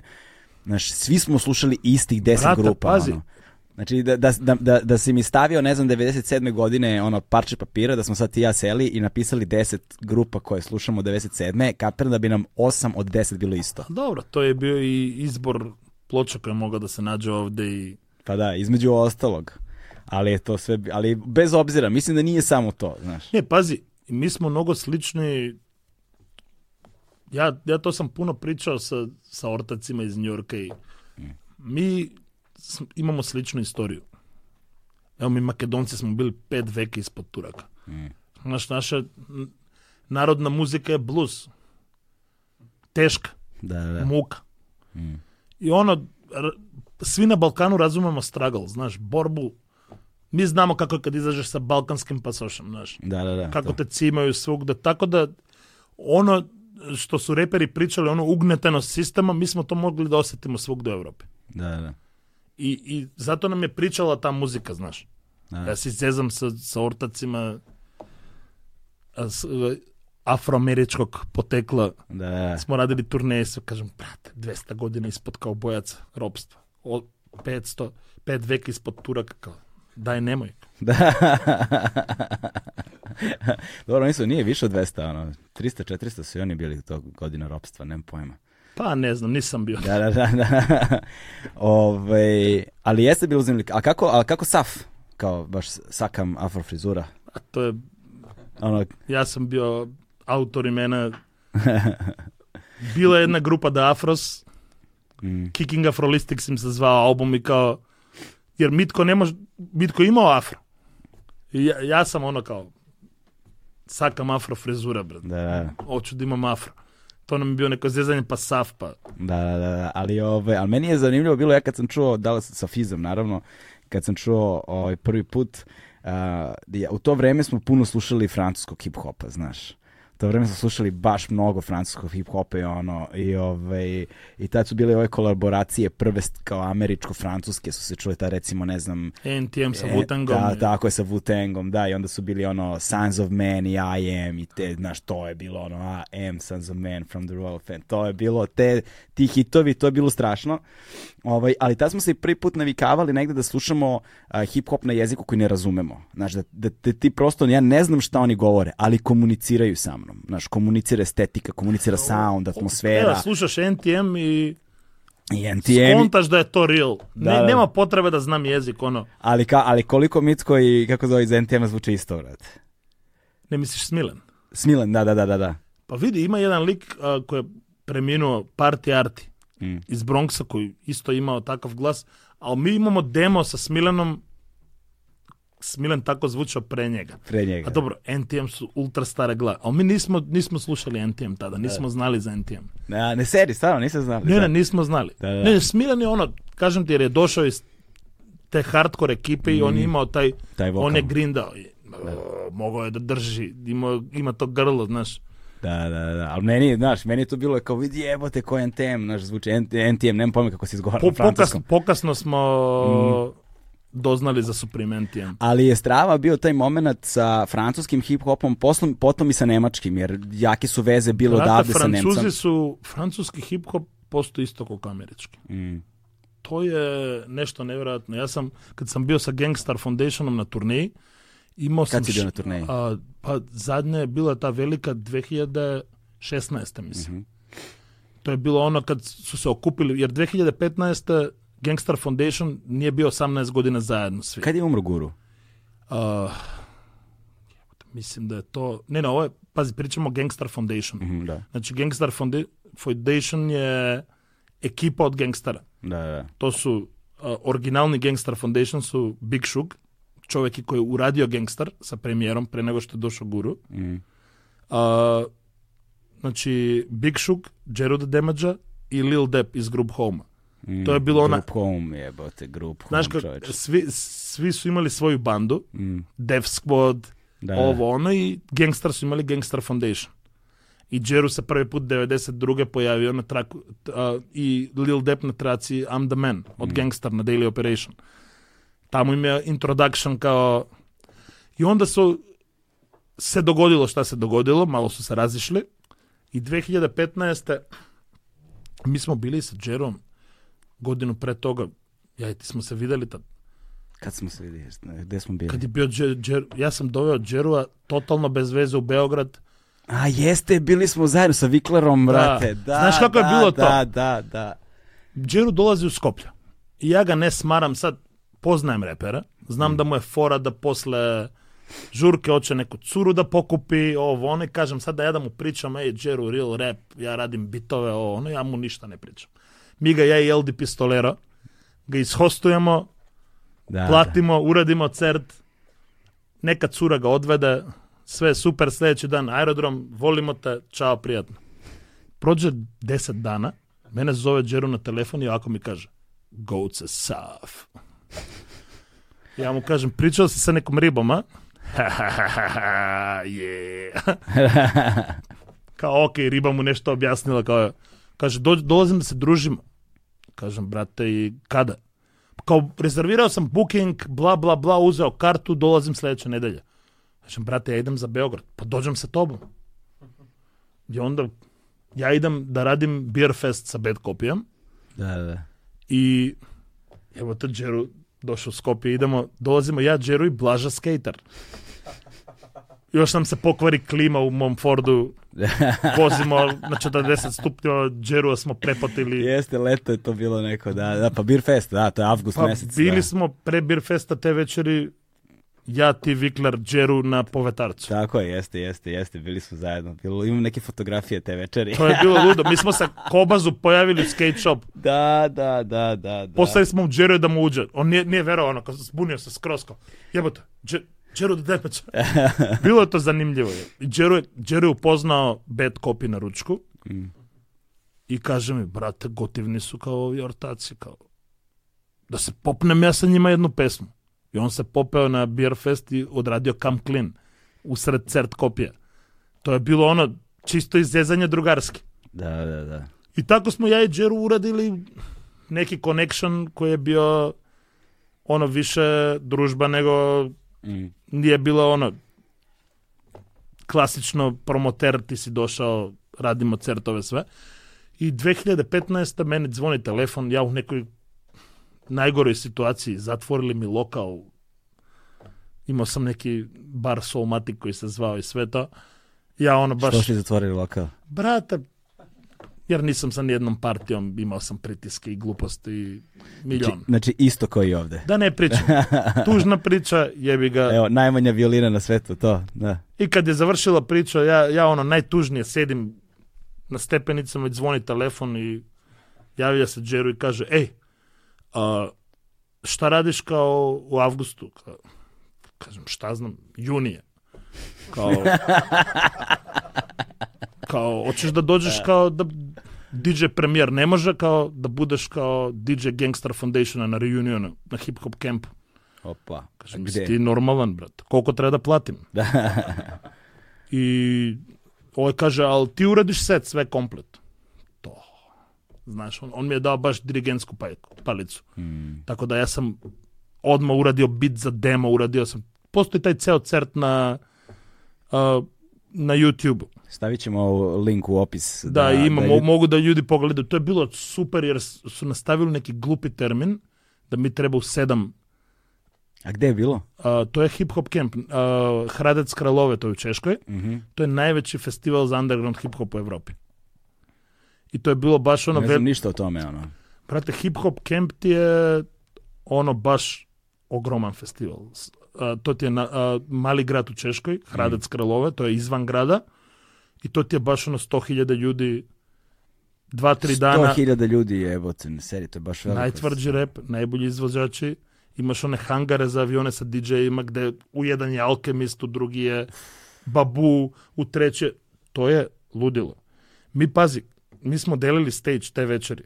Bili smo Gangstar Foundation, Prime za prvi album kad su imali Royce 59 i premijer, uh, Ghostface, Uje. uh, bio Mob Deep, Mm. uh, Dope D.O.D.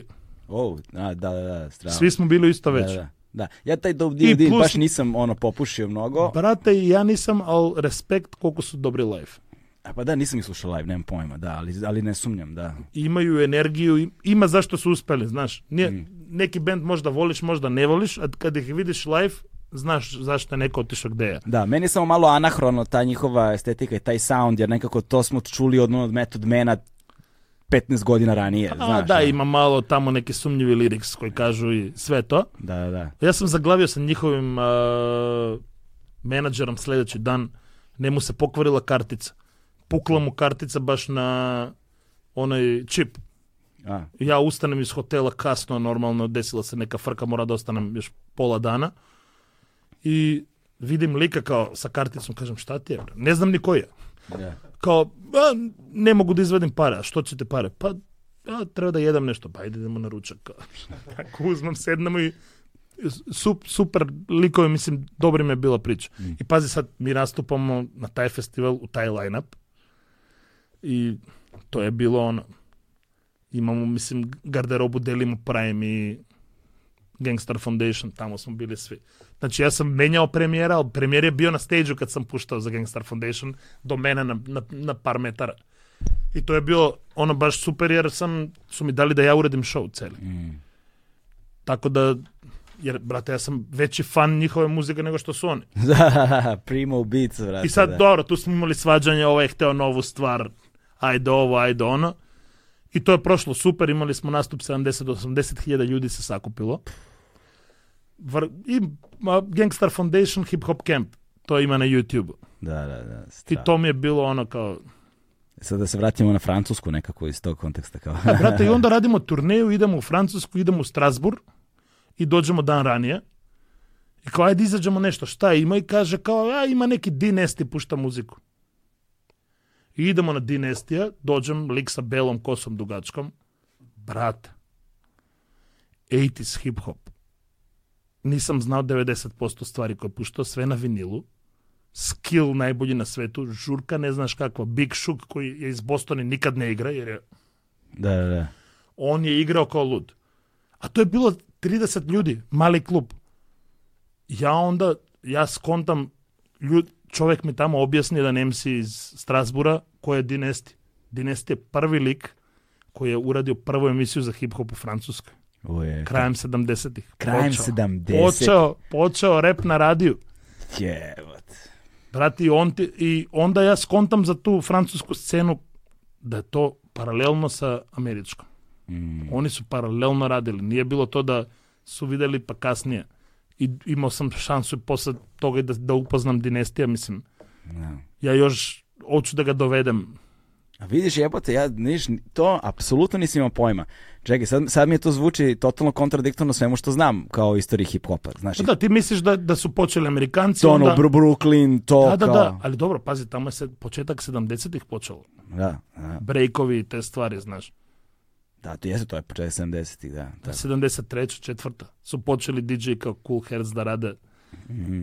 Znaš kako, funk traka dođe do breaka, Da, koji je da. prazan, ima dobre bubnjeve i onda, onda je počelo, ono, one su zvali around the clock. Kad pustiš na jedan gramofon ide bit, pošto to je posle postao beat juggling. Da, da. Uhvati taj loop gde su prazni bubnjevi pa na, na drugi i to ide u krug za breakeri da mogu da igraju.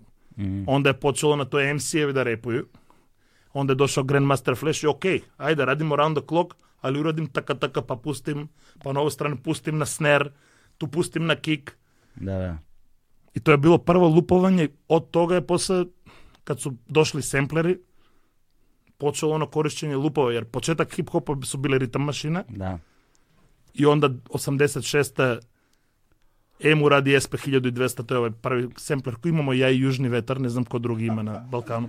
Da, to znam, ja sam nabavio moj 99. i rekli su mi, a ovo imaju samo Južni vetar i ti. Kad su oni nabavili.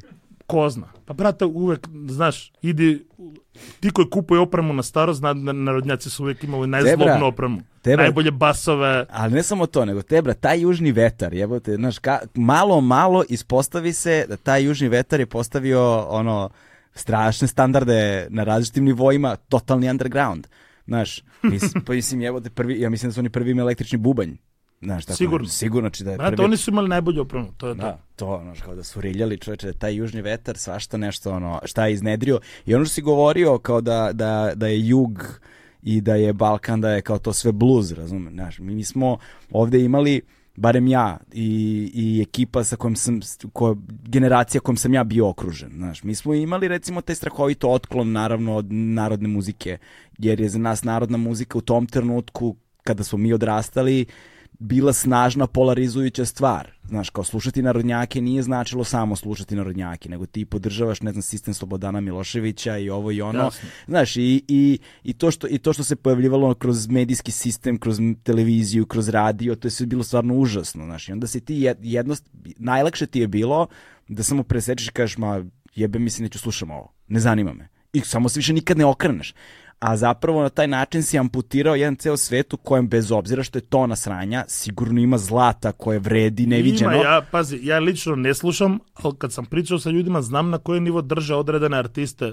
Da, da, da, da, to, to, znaš. Ne pričam to Šabanu Baremoviću, nego i ljudi su mi po- pominjali i Luisa i... Da, da, da, to, e, recimo Šaban Bajramović, znaš, ja sad, kad sam ja, ja sam bio prilično, ono, odrasla i zrela osoba kad sam prvi put zapravo seo i čuo ono od pesmu od početka do kraja, ne znam, Šabana Bajramovića, šta sam slušao, ne znam, da li malog puža ili tako nešto i bio sam u fazonu, brate, ovo je New Orleans. Pa Znaš, ovo je čist New Orleans. Mislim, ovo zapravo New Orleans nema. Dobro, pazi, Znaš, ovo je sound- odrasteš i kad smo bili klinci, ja 90-ih nisam slušao ni Drea. To mi Da. je bilo kao, eh, da, da, da. ono, bili smo u fazi sredinom 90-ih kako neko peva na refren od trake kao, Da, da, da. ajde možda, ok, kad izašla Tribe Called Quest sa Faith Evans, ok, ajde, Da, da, da. Tribe Called Quest su može. Kao, Kao onda Q, se, Q tipu verujemo, kao. I onda ti se kao prom- promeni perspektiva, Ne. poslužaš nešto.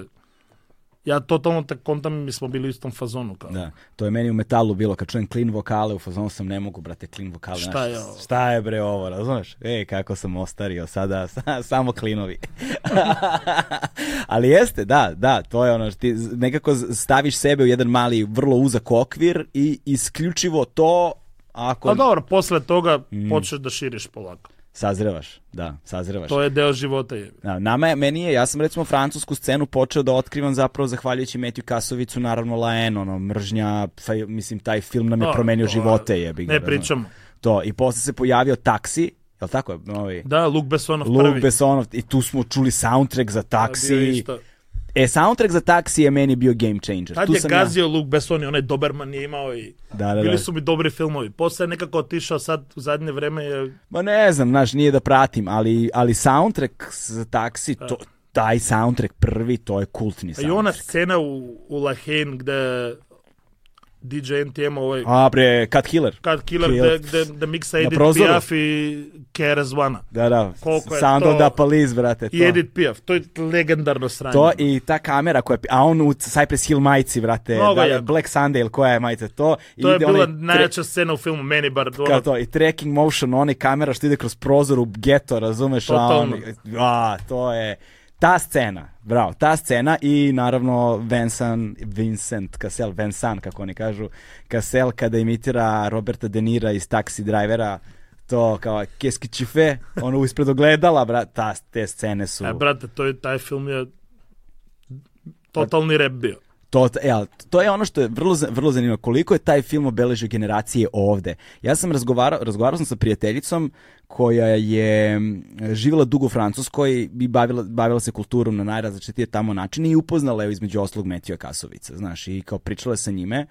I da li ona radila sa njima tipa intervju za 25 godina filma Mržnja ili tako nešto i bili su neki internacionalni članci koji su se pojavljivali tada kao fan base uh, kao balkanski fan base mržnje, kao, znaš, da sad imaš odjednom fenomen filma na jednom određenom regionu, gde sam ja tad prvi put pomislio, čekaj, kao, Laen nije globalni fenomen, znaš, nego, kao, znaš, da je vrlo je uzak zapravo fenomen Evo, nisam određeni ljudi, pa da, Jer nis- smo mi doživjeli kao globalni, jer je kod nas bio isto globalni. Pa Kao, to svi on- su pričali. Pa svi to, oko mene. Svi oko mene. On je dobio Zlatnu palmu u Kanu 95. čini mi se to kao bio najbolji film i tako dalje, ali, ali nije, nije otišao dalje od to francuskog undergrounda i ovde regionalno. To nisam znao. Sad, znaš, pa mislim, ne mogu da tvrdim, razumeš, ne mogu da tvrdim, ali mislim da taj film nije globalno fenomen na nivou na kojem je kod nas obeleže to, to, generacije. to sa fanbase-ovima je ludo. Mm. Naprimjer, Dilated Peoples kad su izbacili zadnji album, otišli su broj jedan na iTunes i njihov tweet je bio Thank you Poland. da, da, da. Ono, Poljaci su ispokupovali toliko, cela Polska, Poljaci znaš koliko dijasporu imaju sve to. Da, da, da, I da. dijaspora njihova čuje rap, Nisu to, ja sam radio sa par Poljaka, radio sam sa a, ovi, ovi koji imaju MMA tim, prosto. Aha. Radili smo za njih jednu stvar sa Saf na vremenu, posle sam radio sa Čeči Vimjer. To su bili neki treći band Polskoj po veličini. Oni, oni šljakaju po 100.000 eura mrča godišnje. Tje, Znaš koliko se- Poljaka slušaju rap, a pričamo tvrda rap čugona. Da, da, da. Dobro, Poljska je velika zemlja, koliko oni stanovnika imaju, oni mislim. po. Poljaci imaju, ne znam, dijaspora ima nekih 20 miliona, ne znam. Pa da, čoveč. I od tih 20 miliona 15 slušaju rap. A to nisam znao. Ne, ne, brate, oni imaju seriju... Pazi, ovo je prosto, ja sam ih upoznao deve, a, početak 2000-ih. Mm. Bila neka Slavik traka gde su nas pozvali kao da, da gostujemo i ovo neki mali kontakt, onda pustiš posle pet godina meč MMA, dva borca imaju prosto gače. Je. Ono, mislim, seriozni su bili Poljaci. Još su. Da, da, da. Ovi Čeči Vimer su se raspali, ja sam bio imao neki gig u Polskoj, baš sam otišao u taj njihov grad Vroclav. Mm. I lik ima, njihov DJ ima i tamo neki record store, on ne zna engleski, imali smo najbolju družbu, znaš. Kad si ploče i mora se skontamo po muzici, ja mu kažem ovo dobro, ovo idemo. I Da, da, tako. da, da, da, da, to, to, to. Pa jeste, to je, znaš, kad ljudi, uh, reci mi muziku koju slušaš i, znaš, reći ću ti svašta. Znaš, ako slušamo istu muziku, nismo stranci. Pa to je to. To je to, nismo stranci. Ako slušamo istu muziku, nismo stranci. A ovaj, ali da, sad kad, raz, sad, sad kad pričaš o tome, delujem, sećam se da je zapravo bila navala a, poljskih a, izvođača, odnosno izvođača koji su poreklom iz Poljske na nemačkoj sceni početkom 2000-ih. I da im je to bilo tad, recimo DJ Tomek kad se pojavio, on je Poljak, jel tako jebote? Da. On je Poljak, znaš to, ali kao Nemac u suštini, da li naturalizovani, sad ne znam nikako to funkcioniše, ali bilo je tih Dobro, i turska rap scena su u isto vreme Mm. ti Čeza koji je bio kao Tek Nine turski koji je radio one brze repovi, on isto je Turčin koji živi u Nemačkoj. Da, da, da, to, da, ta nemačka I scena. sad, sad ce- to, celo to ludilo oko nemačke scene, to je, meni je Mark Hype pričao pre godinu dana, meni Mm. se nije verovalo. Znaš da sad rade, da, šta rade, u, kako hajpeju te repere, da, da peru novac. Čekaj, ne razumem, čemu pričaš? Pazi koja luda priča. On turska scena, oni reperi u Nemačkoj. Mhm. Znači ne pričam od ovim koji, koji su reperi, reperi, nego reperi koji su od gangsta klanova. Aha. Ja imam moj gangsta klan. ми валјамо што валјамо, радимо што радиме. Да. Ти си наш клинац. Ајде узмемо галеба, урадиме му албум, онда узмем ја 100.000 и дам лику да те уради трендинг на YouTube у Немачкој. Ја узмем од тога 150.000 и ти ми даш со сваки церт после ова кој ја ти да будеш репстар. Уе. И он, они тоа раде цело време. Тоа ми Марк причал да знају нем, немачки лейблови што се догаѓало да не могу да Ne mogu da zaustave nikako. Znaš šta, to je zakon velikih brojki. Znaš, ogromno je tržište, mnogo ljudi je tamo. Znaš, e, Turci su, ja mislim, najveća e, nacionalna manjina u Nemačkoj, je li tako? Znači, mislim, Da, i oni su uradili tamo i najveći izum posle auta i tenkova nemačkih doner. Da, da, da. da. Brate, do- realno- doner kebab, brate. Realno u Evropi posle 12 uveče čast isključcima, ali samo doner možeš da jedeš. Da, da, da. Nema ništa drugo. da, da. Aj, Ja i- aj, aj, ne gadim se, brate, Brate, ja, pa, ja kad pominjamo Francuze, ja u Parizu sam imao najgeto moment u životu. Radimo Batofor, to ti je mnogo cool klub koji je u Brodu. Mhm. I kad radiš soundcheck, ti si iznad vode i možeš da gledaš kod te prozore. Kad dođu ljudi, potone i promeni se akustika kluba. Uje, da je. Ali je bilo super, jer smo radili Gangstar Show, onda sam ja imao neki guru tribute set i bili su klinci od 18 godina koji su znali sve. A pucao sam im onaj kletik guru, nisam išao ono Da, da, da. da. kao 10 full clip, bla bla bla, nego baš su ono znali Išao sve. Jazz Matez, to, ceo. Totalno ono. I završimo i svi po afterima, ja i Big Shook, debeli ljudi, hrana. Gde idemo da jedemo, a grozan dan u Parizu, ono, kiša i sve to. Brate, ništa ne radi posle 12. Mi našli samo jedan donar i tad sam dogodio najgeto moment, dođe lik, homeless lik, koji vidi Šuga i kaže, jao jebote, ti si Big Shug iz Gangstara, kao. Kao da, jao, ja znam da ste imali cert, ja nisam mogao da dođem kao ovo, ono. Kažem, ja, ja sam niko, ja menjam ja sam samo DJ sa njima, ma vrhunski ovo, ajde vas ja častim kao donar, može, to ispred donara se događa. I lik izvadi food kupona, Uj, evo te, fut. časti nam food kuponima. Mislim, mi, mi pokušali da to zaustavimo. Da, Ja mu da. kažem, ej, molim te da te mi počastimo, kao... I onda sam šugo rekao kad smo pojeli doner, koliko smo ja i ti low life. E, bre, uzeli smo liku food kupone da časti nas svinje debele da jedemo doner, jebote. On kaže, pa dobro, rekli smo mu pet puta da platimo, šta je, kao... Domaći brend garderobe Legend Worldwide je prijatelj Agelast podcasta na audio platformama. Da, dobro, možda je on malo upoznatiji sa tom situacijom zato što su ono food stamps u, u, u Americi. A ima tako ko čekovi su izgledali Da, da, da, da, da. Gledao sam, gledao sam neki, baš sam pre neki dan na Netflixu a, gledao dokumentarac o kreku ovaj, u Los Angelesu, ono, pojavljivanju kreka, o toj epidemiji kreka i onda baš ima scena gde govore kako je toliko normalno bilo koristiti te food stamps, te kupone za hranu, da je zapravo bilo nenormalno da izvodiš novac da kupiš hranu novcem. Znaš, u tim, tim najsiromašnijim naseljima, da su toliko naviknuti na to kao različite Ako te kuponi vide različite sa novcem, kao... ne, nije te vide s novcem, nego kuponi različitih boja i kao koji su bili za ovo ili za ono i da se, da, da se toliko normatizovalo kupovina hrane kuponima, da je bilo, čak i kad imaš lovu za hranu, ne kao koristim kupone, brate, kao, znaš, kad imam mogućnost da kao Ok, si, sad si mi malo krivicu ono ublažio. pa to, mislim, kažem, to... Bolje se osjećam. Ka, znaš, nije to, kažem, ni moj zaključak, nego to kažu u dokumentarcu. Znači, kaže, brate, to se toliko, toliko je siromaštvo bilo normatizovano, da čak i kad imaš lovu u džepu, izvadiš kupone, što bi trošio pare na hranu kad mogu kuponima da je kupim, znaš. Da je taj fazon bio. Mo- sad ne, neću da kažem da je ista A situacija, ovo je ali bilo pre moguće- 5-6 godina, nije A, bilo brate, znaš, u početak krek epidemije. Si, da, ali siromaštvo je i dalje veliko i tamo i ovamo, znaš. I, i ko- ko- kako stvari stoje, ovaj, siromaštvo postaje globalno. Znaš, na isti način smo siromašni svuda. Znaš, možda klinac u Londonu zarađuje 10 puta više, ali je i 10 puta skuplje. Brate, London ne zajebavaj. Znaš, Ja ono, mislim, lupetam, znaš, šta ja znam o Londonu. tražio sam u Camdenu da se ošišam negde jer sam nastupao u jazz kafeu. Mhm. I jazz kafe mi je bio ono, znaš koliko sam bio ishajpan? Jazz kafe London, jebote, a, dostigao sam врх живота джез кафе Лондон, онда идем у джез кафе и држа га неки арменци, на пола церта рикна звук. Оно тотално... No. Да. Али камдам, јас сам, брате, прво гуглал сам пет дана, где да се ошишам. И нашот турског бербера и он ми за 30 фунти. Војевот. И тоа е било, тај ми прича, ово јер си ти земјак из Македонија, као, bla bla bla. Ja mu kažem, ti si mi, brate, posekao vrat, jesi normalno. Svugde je 50. Brate, moja frizura. da, vidim, vrhunska frizura. Ovo je bilo 30 funti. Sa Da. clean cutom, ono. Dao mi čaj. ono, E, bez čaja ništa, brate. da ublažiš dušu. Bez čaja ništa, čoveče.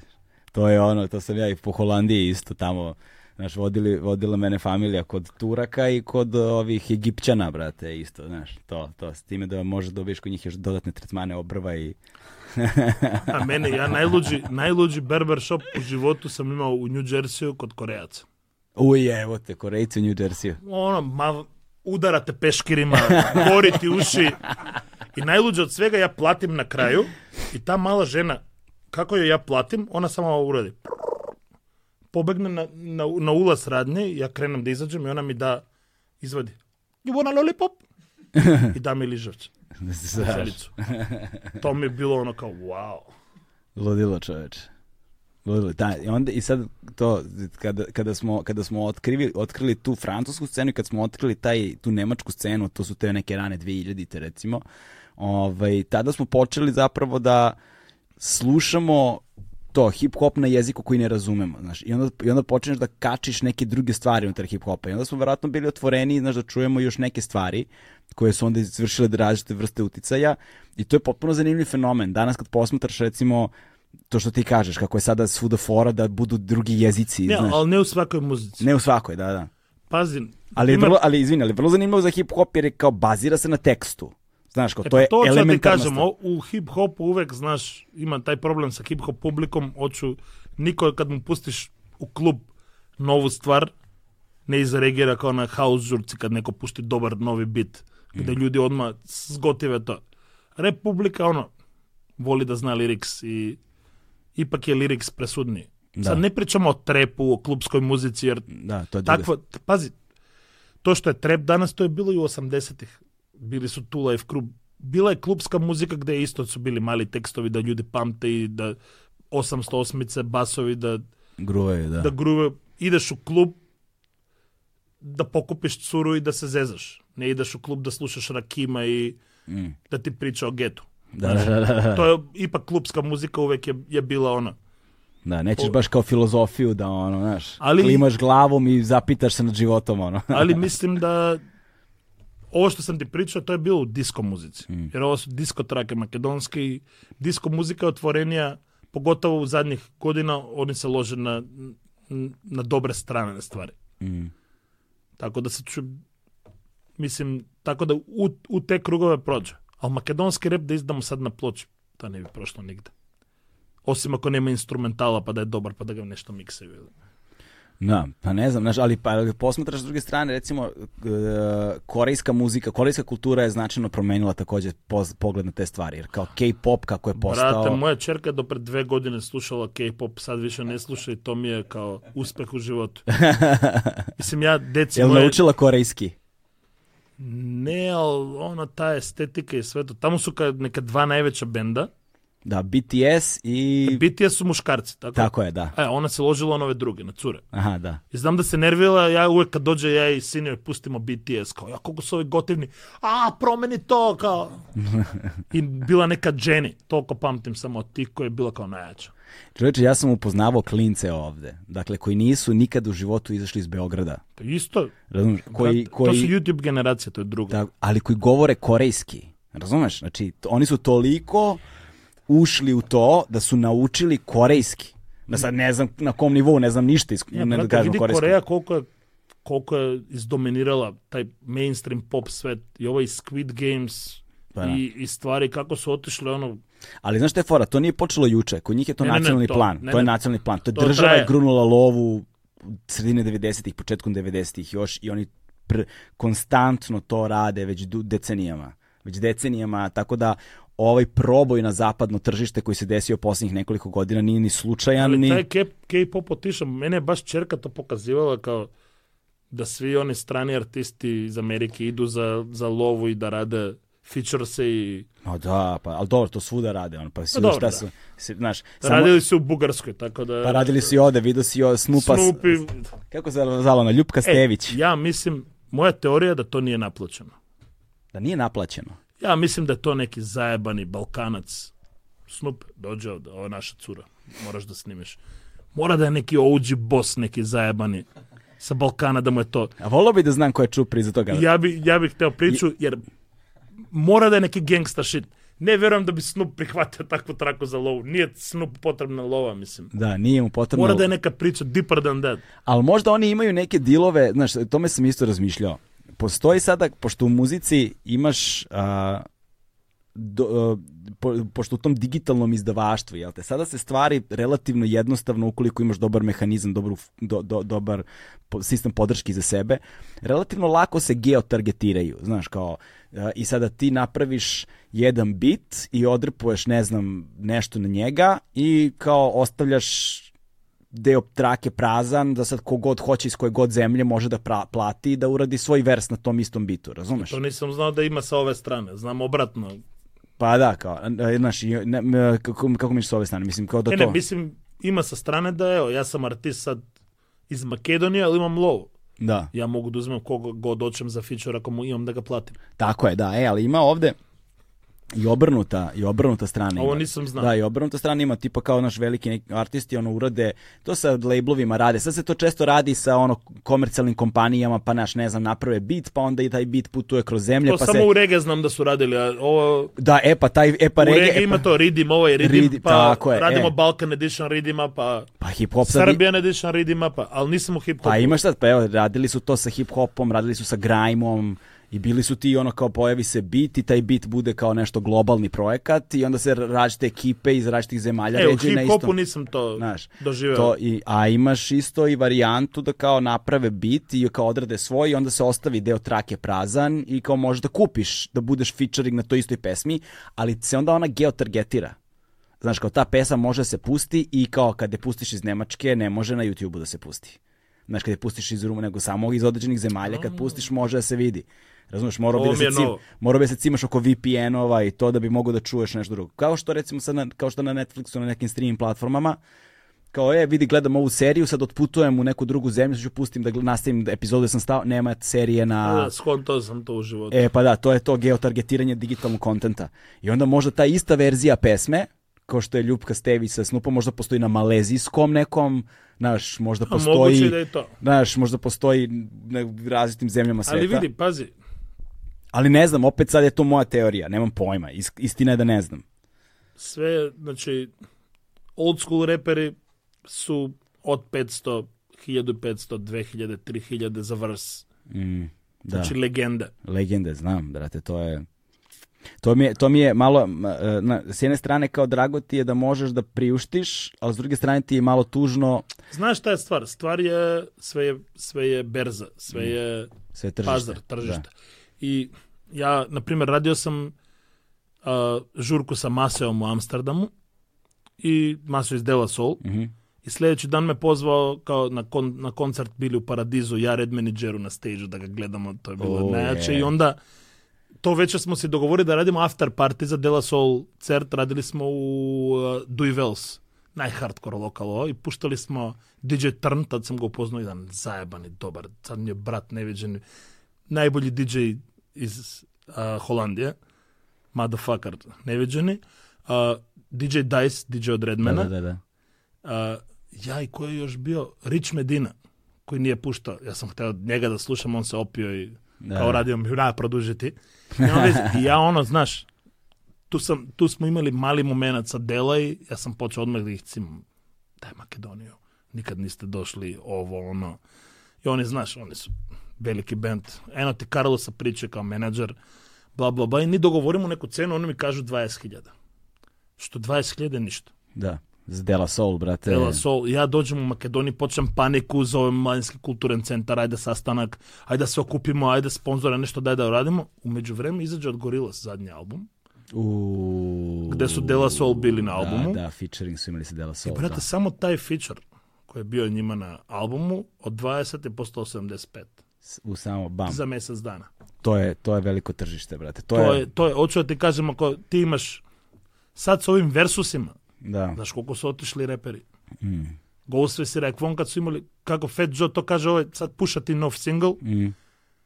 tako počinje, baš su Fat Joe samplovali, Kanye je samplovao Fat Joe kako priča the, the price is not the same. The price yesterday is not the price today. Baš je to. Tako je, tako je. To je baš ono berza. Koji je u momentu koliko aktuelan i, i ti možeš To da... je, ali to ja znam, to je tačno, to je kada pričaš s reperima, znaš, sad da ne pominjem imena, znaš, kao dogovarali koncerte jedne godine i kao bila je jedna cena i sledeće godine imaju novi album, ovo ono, i čujemo se ponovo, rekao, ajde organizujemo opet cert, ovo ono, kaže, strava, može, super nam je bilo s tobom u organizaciji, car si, ovo ono, hajde sve 5000 dogovaramo. I kao, ko je, ja kažem, sve isto, dakle, kaže, ne, ne, ne, kaže, ovo je cena, kao, pa kako prošle godine je bilo, on kaže, prošla godina je prošla godina, ova godina je ova godina. E, to, je su ti razgovori, ali to bukvalno tako izgleda razgovor, ono. To je Ne. jedna stvar, druga da ti niko ne priča da moraš sa menadžerom da se cimaš. I to je, Amerikanci pogotovo. Da, I da. DJ-evi. Koliko da ti je blizak? Mm. On tebi kući spava tri dana, vi se zezate, onda treba da ga opet bukiraš, on ti da menadžera. Tako je, da, da. To je, dobro, oni su, Ali njima je to prosto deo kulture takav, znaš, oni to, to kada, kada se čovjek prvi put sa time sretne, ima utisak um, da, da je nešto lično.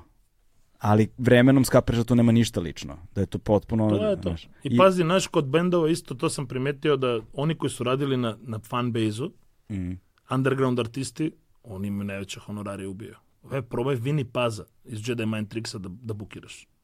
Vini Paz. Vini ti je jedan od najskupljih repera underground. Stvarno, a? Mislim, on, on, je- mislim ali, da ne ide ispod 30.000. Brate, ali on je vokalčina... Ne, brate, on, on ima publiku, kad ti bukiraš Vinija, dođu metalci, hardkorci, Da. punkeri. On ima toliko širok Mene jedino smera, smeta kod Vini Peza što je ono teorija zavere, brate, lik, Dobro, razumeš? to je, to, znači- to je, to je Vinny Pest, to Da, su da. Jedi, jebi ga. Da. Ali hoću ti kažem, evo, nikad ja A nisam, Immortal tehnik i to. ja nikad nisam očekivao da, da može da on skuplji od nekih mnogo poznatijih repera, ali on je konstantno buildao taj sve, svoj neki, on Da. ima neki čudan fan base.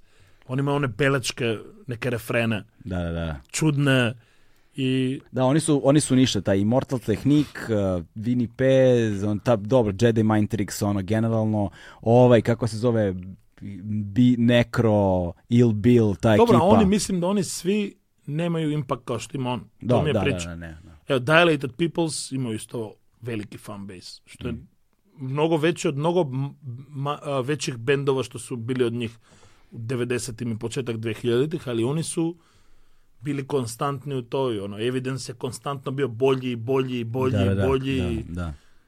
To je Sad, a- Evidence solo, Evidence solo isto.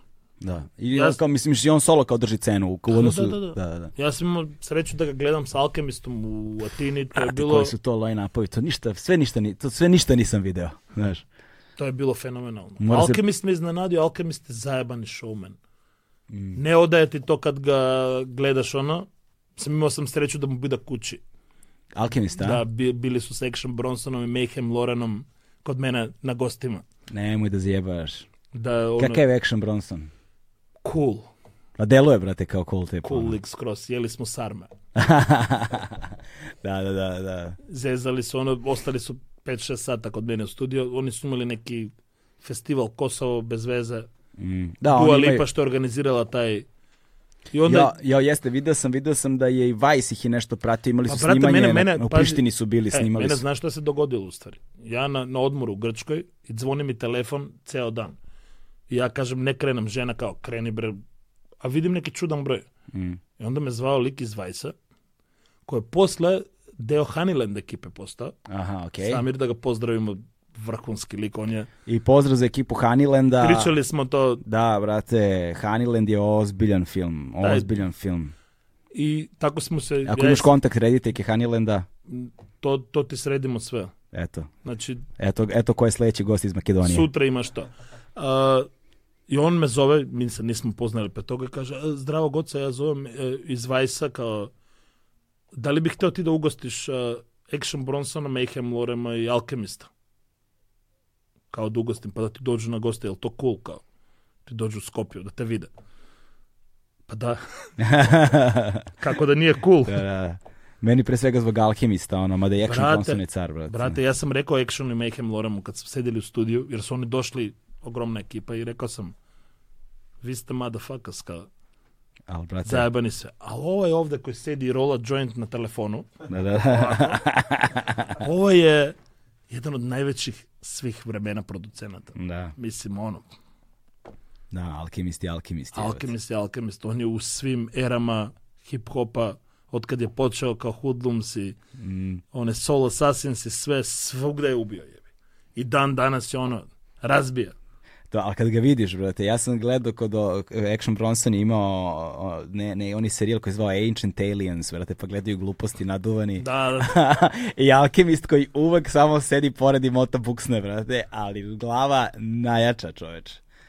Najjača čoveč, najjača. Ne, ne, vrhunske su je sve I to, i, to sam, I to sam video nešto random, ovaj, mi naletalo na YouTube-u kad su bili u Prištini ili šta su već radili tamo. I da, to su ove, ove Albanke, Kosov, Kosovarke, kako se zovu, Dua Lipa i ne znam ova Pa Rita, Dua Lip- Rita Ora. Ne, ne, Dua Lipa radila, mislim, neki festival. Nešto, da, nešto tu ono, da li kao, nemam pojma, razumeš, znam da je, znam da je to ovde nešto politički kontroverzno, isto strašno, znaš, kao, Pa desila se ta neka frka, on je postirao neku sliku, od, pa stavio hashtag škupi albansku zastavu, pa bilo je ono... da, svašta se znaš, to je najgore kad se ta politika uplete, razumeš, te stvari, Pa njegov Ove. čale je pisao kod mene na Instagramu kao, jer su na moj post nikoga nije disao, disali su ga na njegov, to što Da. je postirao i ta, desila se ta loša energija i mm, ja pre toga sam mu dao 30 bitova i posle se nismo čuli nikad više. da, da, da.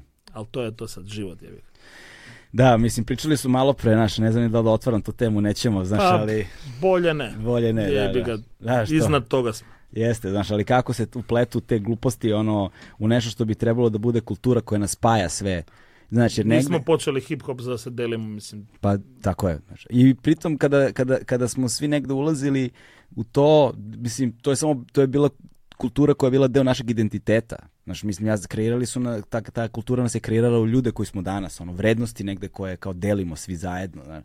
To je, ka, kao što smo malo pre rekli, kao ako slušamo istu muziku, nismo stranci, bre, znaš. Ja kad, znaš, uđem u klub i kad čujem lika šta vrti, znaš, sve mi je jasno, čoveč. Znaš, ono, kad, kad me oduševi setom, pff, a u ovim godinama se to sve ređe dešava. Mislim, u ovim godinama prvo treba da odeš u klub. Sam si rekao da ne ideš, tako pa da... to ti kažem, prvo treba otići. Kako si, ka, gde si ti zapuštao ovih dana? Ti si dva dana puštao za redom ovde, a? Da, bili smo u Sajranom u Novi Sad. Mm. Tamo se otvorio novi bar koji treba da vidim kako. Ima čudno ime. Čekaj sekund. Daj da vidimo kako se zove mesto da si pušta muziku. A lepo mesto. Prekrasno. Samo sekund. A, a Beograd, strogi centar na Dorčulu. Kako si noć prošlo? Prate, strogi centar je uvek prelepo. Tamo To- su, tamo su, tamo su e, prti snimali spot sa ovaj, Isom, onaj Ciging. Da. Da, to su Trep ne držimo. Da, tref ne držimo, tako je.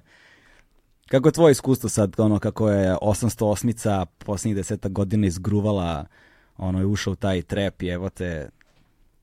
Viri mi glava. Da, šta? Viri mi glava. Viri mi glava. Da, Novi Sad. Posetite mesto, idite na jedno kraft pivo. Tako se zove viri mi Da. glava. Uje, da ja nisam nikad čuo, mislim... Pa ne, ja otvorio se nisam- sad.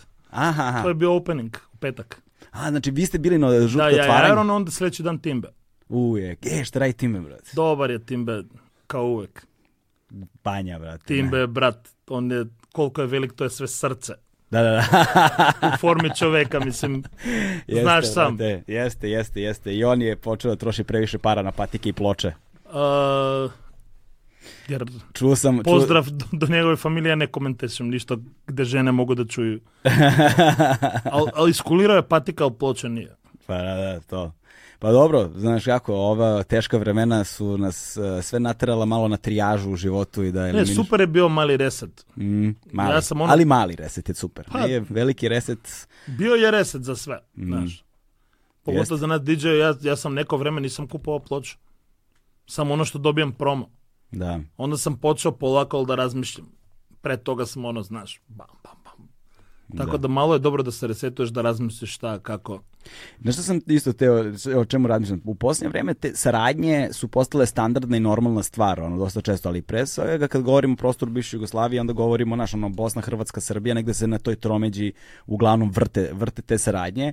Iz Makedonije samo tvoje ime čujem u miksu, ono, relativno često, i to sa aspekta beatmakinga, ali mi nedostaje, znaš, da se uključe, ono, makedonski Vidi, MC-evi. 2010. su uradili album uh, Viklar, LD Pistolero i Don Dada iz Valjeva koji sad Da. radi one zajebane drum and bass žurke da ga pozdravimo. Drum and bass. Da, da drži drum and bass scenu. To, kad vidiš ekipu na drum and bassu danas, to su true fanovi, brate. Brate, oni, oni su radili ono, sve one markije i sve zajebane Da, da. DJ tu po Beogradu. Da, Da, da, da, to da. je deo organizacije kao. I oni su uradili Ubiće nas žena im se zvao album. Mm. Baš pred 12 godina, sad smo se to smeli. 12 ili 11. Mislim da je 2010 album. И тоа е било колабо каде ЛДП столера баш на македонском. Mm. А сад, знаеш што е проблем? Не разуме луѓе јазик. Али... Јас знам колку поштоју страјка, колку поштоју ЛДП столера. Да. Сав, смо имали респект, смо добили свогда, знаеш, прошетали сме, ишли сме по фестивалима, свел. Ние тоа исто као, знаеш, например, ево, узмемо najmlađeg, Смоке. Да. Смоке брате. Rasproda Zagreb, rasproda Ljubljanu, znaš, slušaju mu lyrics, kontaju ga svugda. U, u Skoplje. Isto, brate, slušaju, bio sad na, nastupali zajedno na najveći uh, letni festival, jedni za drugom, ja i Strike, i onda je uh, Smoke bio pre nas na The Festu do Iranu. Ima 7-8 hiljada ljudi ubio je. Smoke Da. ima energiju, on je atomska bomba. Ono. Jeste, brate. Ima energiju umirućeg sunca, brate. Tako da ima, sad sa, sa, sa Smokeom ima par kolaba sa makedonskim artistima i za, izaći će brzo. Do jaja. Tako da se dešava, snima se nešto da ne pričam sad dok se ne snimi jer reperi mogu da kasni pet godina sa to je se Dok svima. nemam ja sve na, naš Da, da. ono, Dok to nije u ruci sveže. da nije u ruci, al- ali ima. Ali ipak, znaš, Ali za- zbog toga smo i pri- jezik je barijera. Pa da, ali to je priča koju smo pričali malo pre, zbog, nje, zbog toga sam i počeo, znaš, pokrenuli smo ono od francuske, nemačke, ovoga, onoga, dešava se, znaš, sada nam jezička barijera više nije a, prepreka da slušamo muziku, znaš, posebno i da uživamo u muzici i da nas... Ok, ali znaš, zato udari neki MC, treba da mu razumeš sve što kaže. Pa Da ima dobro, onaj jest- impact, impact. Da, ima pravi impakt, ali, ali da baš kao ne, ali da baš nema nikakvog ono prelaženja granice. Mislim da su možda tu i neki drugi faktori ono posredi. Sad ne, ne bi da bude nikakav ono teoretični zaver i slično, znaš, ne di Bože. Ja, kažem, ali- meni je krivo za makedonske MC-eve. To je Da. uvek, Mm. sam pričao, to je krivo mi jer imamo zajebano dobre MC-eve. Da. Gledao sam ono neke sajfere gotivne na YouTube-u i to, brate, to sve zvuči, to ima flow, to ima delivery, to, znaš, ne, znaš, neke gomila, to, posebno kada repuju, tak, znaš, ne, ne razumem, ali zvuči dobro, zvuči kao nešto i pusti u kolima i gruvao je. Bilo je to jedan period, imaš SAF i posle toga ima Satara 2 su došli. Mm. I Satara 2 su, to su strajki blaže, oni su uveli multirime i Mm. podigli nivo MC-inga i nije se spustio od tada, bar u repu. Da. I znaš, ja sa Strajkom, ja i Strajk smo uradili sad četvrti njegov solo album. Meni je mnogo drago jer Strajk je težak artist, nije lik koji ima komercijalnu prođu kao Saf. Znaš, ono, ali je uradio publiku zajebanu i je postao velik. Da, ja. I onda prvi cert, znaš, ljudi su bili kao, Страјк ради со од Церт, Страјк е распрода пре него што постери зашо за Церт. Има тоа ти шибнем линк са YouTube-а, тоа ми е еден од најбољих Цртов во животу. Јас сум бил на грамофонима. Али урадили смо оно баше било заебано, матрица сме били споени со видеом и mm, да, да, да. Хтели да, смо да, да има да. мало онај даркерски секта момент, било е врхунски. Да. Онда смо то поновили следеќа година со LD Пистолером и негов drugi album i sad radi na treći, imali smo neki mixtape prošle godine, to smo neka ekipa koja radimo, imamo Zad Dugao, Zad Agolot, koji isto su bili ovde u Beogradu sa Smokeom i oni sad izbacuju novi album. Imamo, imamo, mislim, repa, Stra, to sve treba imamo, se imamo čuje, klinca, radio sam sad u pandemiji, smo radili neki demo competition i kao trojica producenta smo dali po dva bita svaki. Klinci što su se prijavili, nije bilo, znači im, imali smo problem, trebali smo da od šest, na kraju smo uradili osam, devet, Mm. bilo je problem da nađeš lošeg. Znači ono, da, da, od, odrađivali smo kao, baš smo ono sitničarili. Kao. A šta priča o ovom, znaš, kad mu počneš da mu diraš teme ili ovaj vrs si prvi, znači, što mi je meni bilo super drago da idemo do tog nivoa da sitničarimo. Mm. Jer u 90-im kad smo počinjali, znaš, prvi uslov da budeš reper je bio da, da možeš da uhvatiš bit. Tako Jer je. su ljudi kasnili, ono, čuješ ga juri bit, ne može da ga uhvati, ono. Sad, ta lestvica koja je bila ovde dole, sad je ovamo. Da. A to je svogde, mislim. Sad ne da ga jure, nego ono, džuskaju oko bita je, evo te, opkoračuju ga kako hoćeš. Ima, brate, ima zajebanih MC-a svugde. Mislim, Da. e, svugde je nivo. Svugde jeste, da, to se sad vidi, Pro- prosto, ono, i to su nam te digitalne platforme omogućile, ako se saista iscimaš, ono, treba ti 15 minuta srča, Da. znači da bukvalno da ne klikneš na prve linkove koje vidiš, nego da ono, kroz recommended se krećeš 10-15 minuta i naletećeš na ono preozbiljne stvari, jebote. I super je, pazi, ja nemam, pomenuo si trap, ja nemam problem sa trap muzikom. Mislim, No. A brate, ja, znaš ja volim neke trap stvari, ima dobrih stvari, brate. Drila ima dobrog. dobro, drill je kao drugi Da, da. film skroz. Te Englezi su otišli u kurac. ja. Da, da. Meni je strašna priča oko drill muzike da je pre hardcore. Mm, To drillas, noževi i te fore znaš šta je drila. To je lik koji te bode nožem. da. I u Londonu se klinci od po 16-17 godina boden, bodu noževima. Ekipe različite, zato su sa onim maskama i sve to. On je totalni underground, Mm, strašni. Ali imaju zajebani skill svaki. svaki, brate. on je njihov jamajkansko, engleski akcenti zajebani.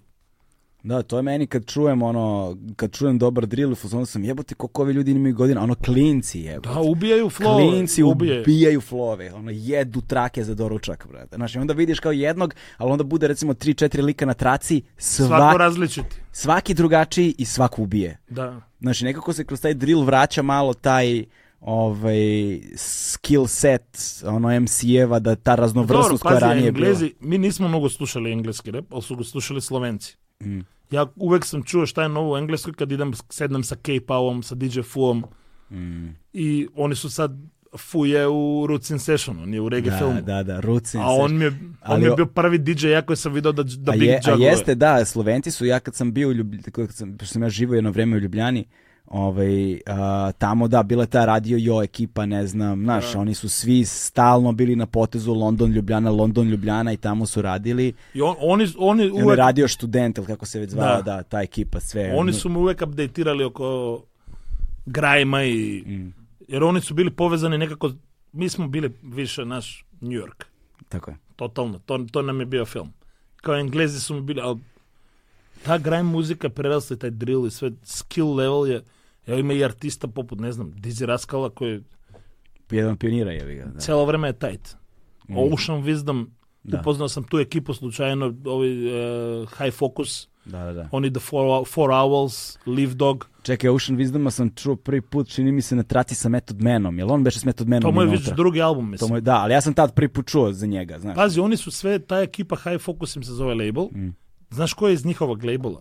Kao? Ovaj uh, pop pevač, najveći Rugged Bone Man. Aha, e, a da, on je debeli. Brate, on je pevao refrene za underground repera.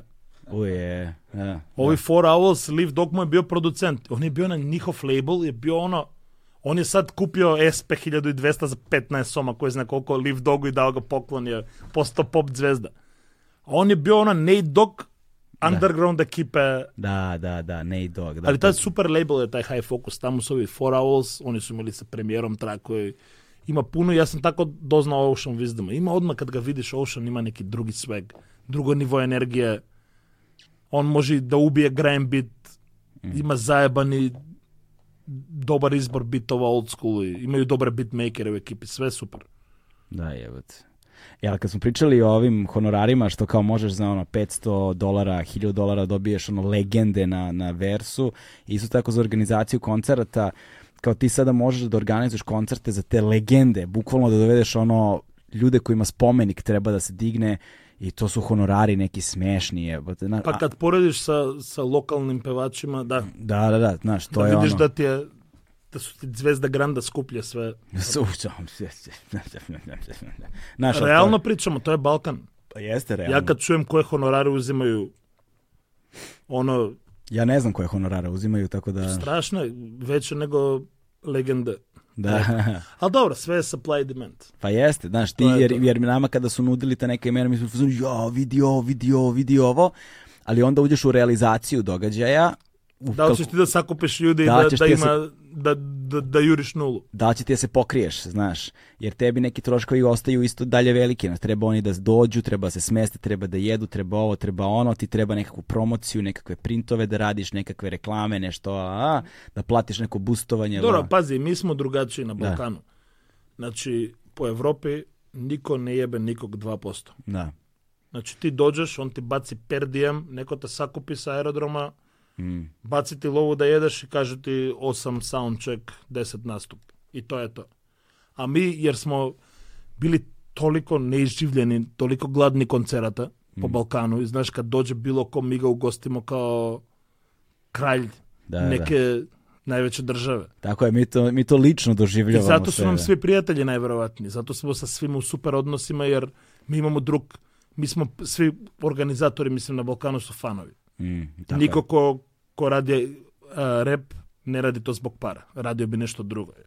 Pa da, jeste. jeste Ako jeste. pričamo sad... To, Znači, si, to si u pravu, to si u pravu. To svi ljudi koji rade underground rap rade jer to vole.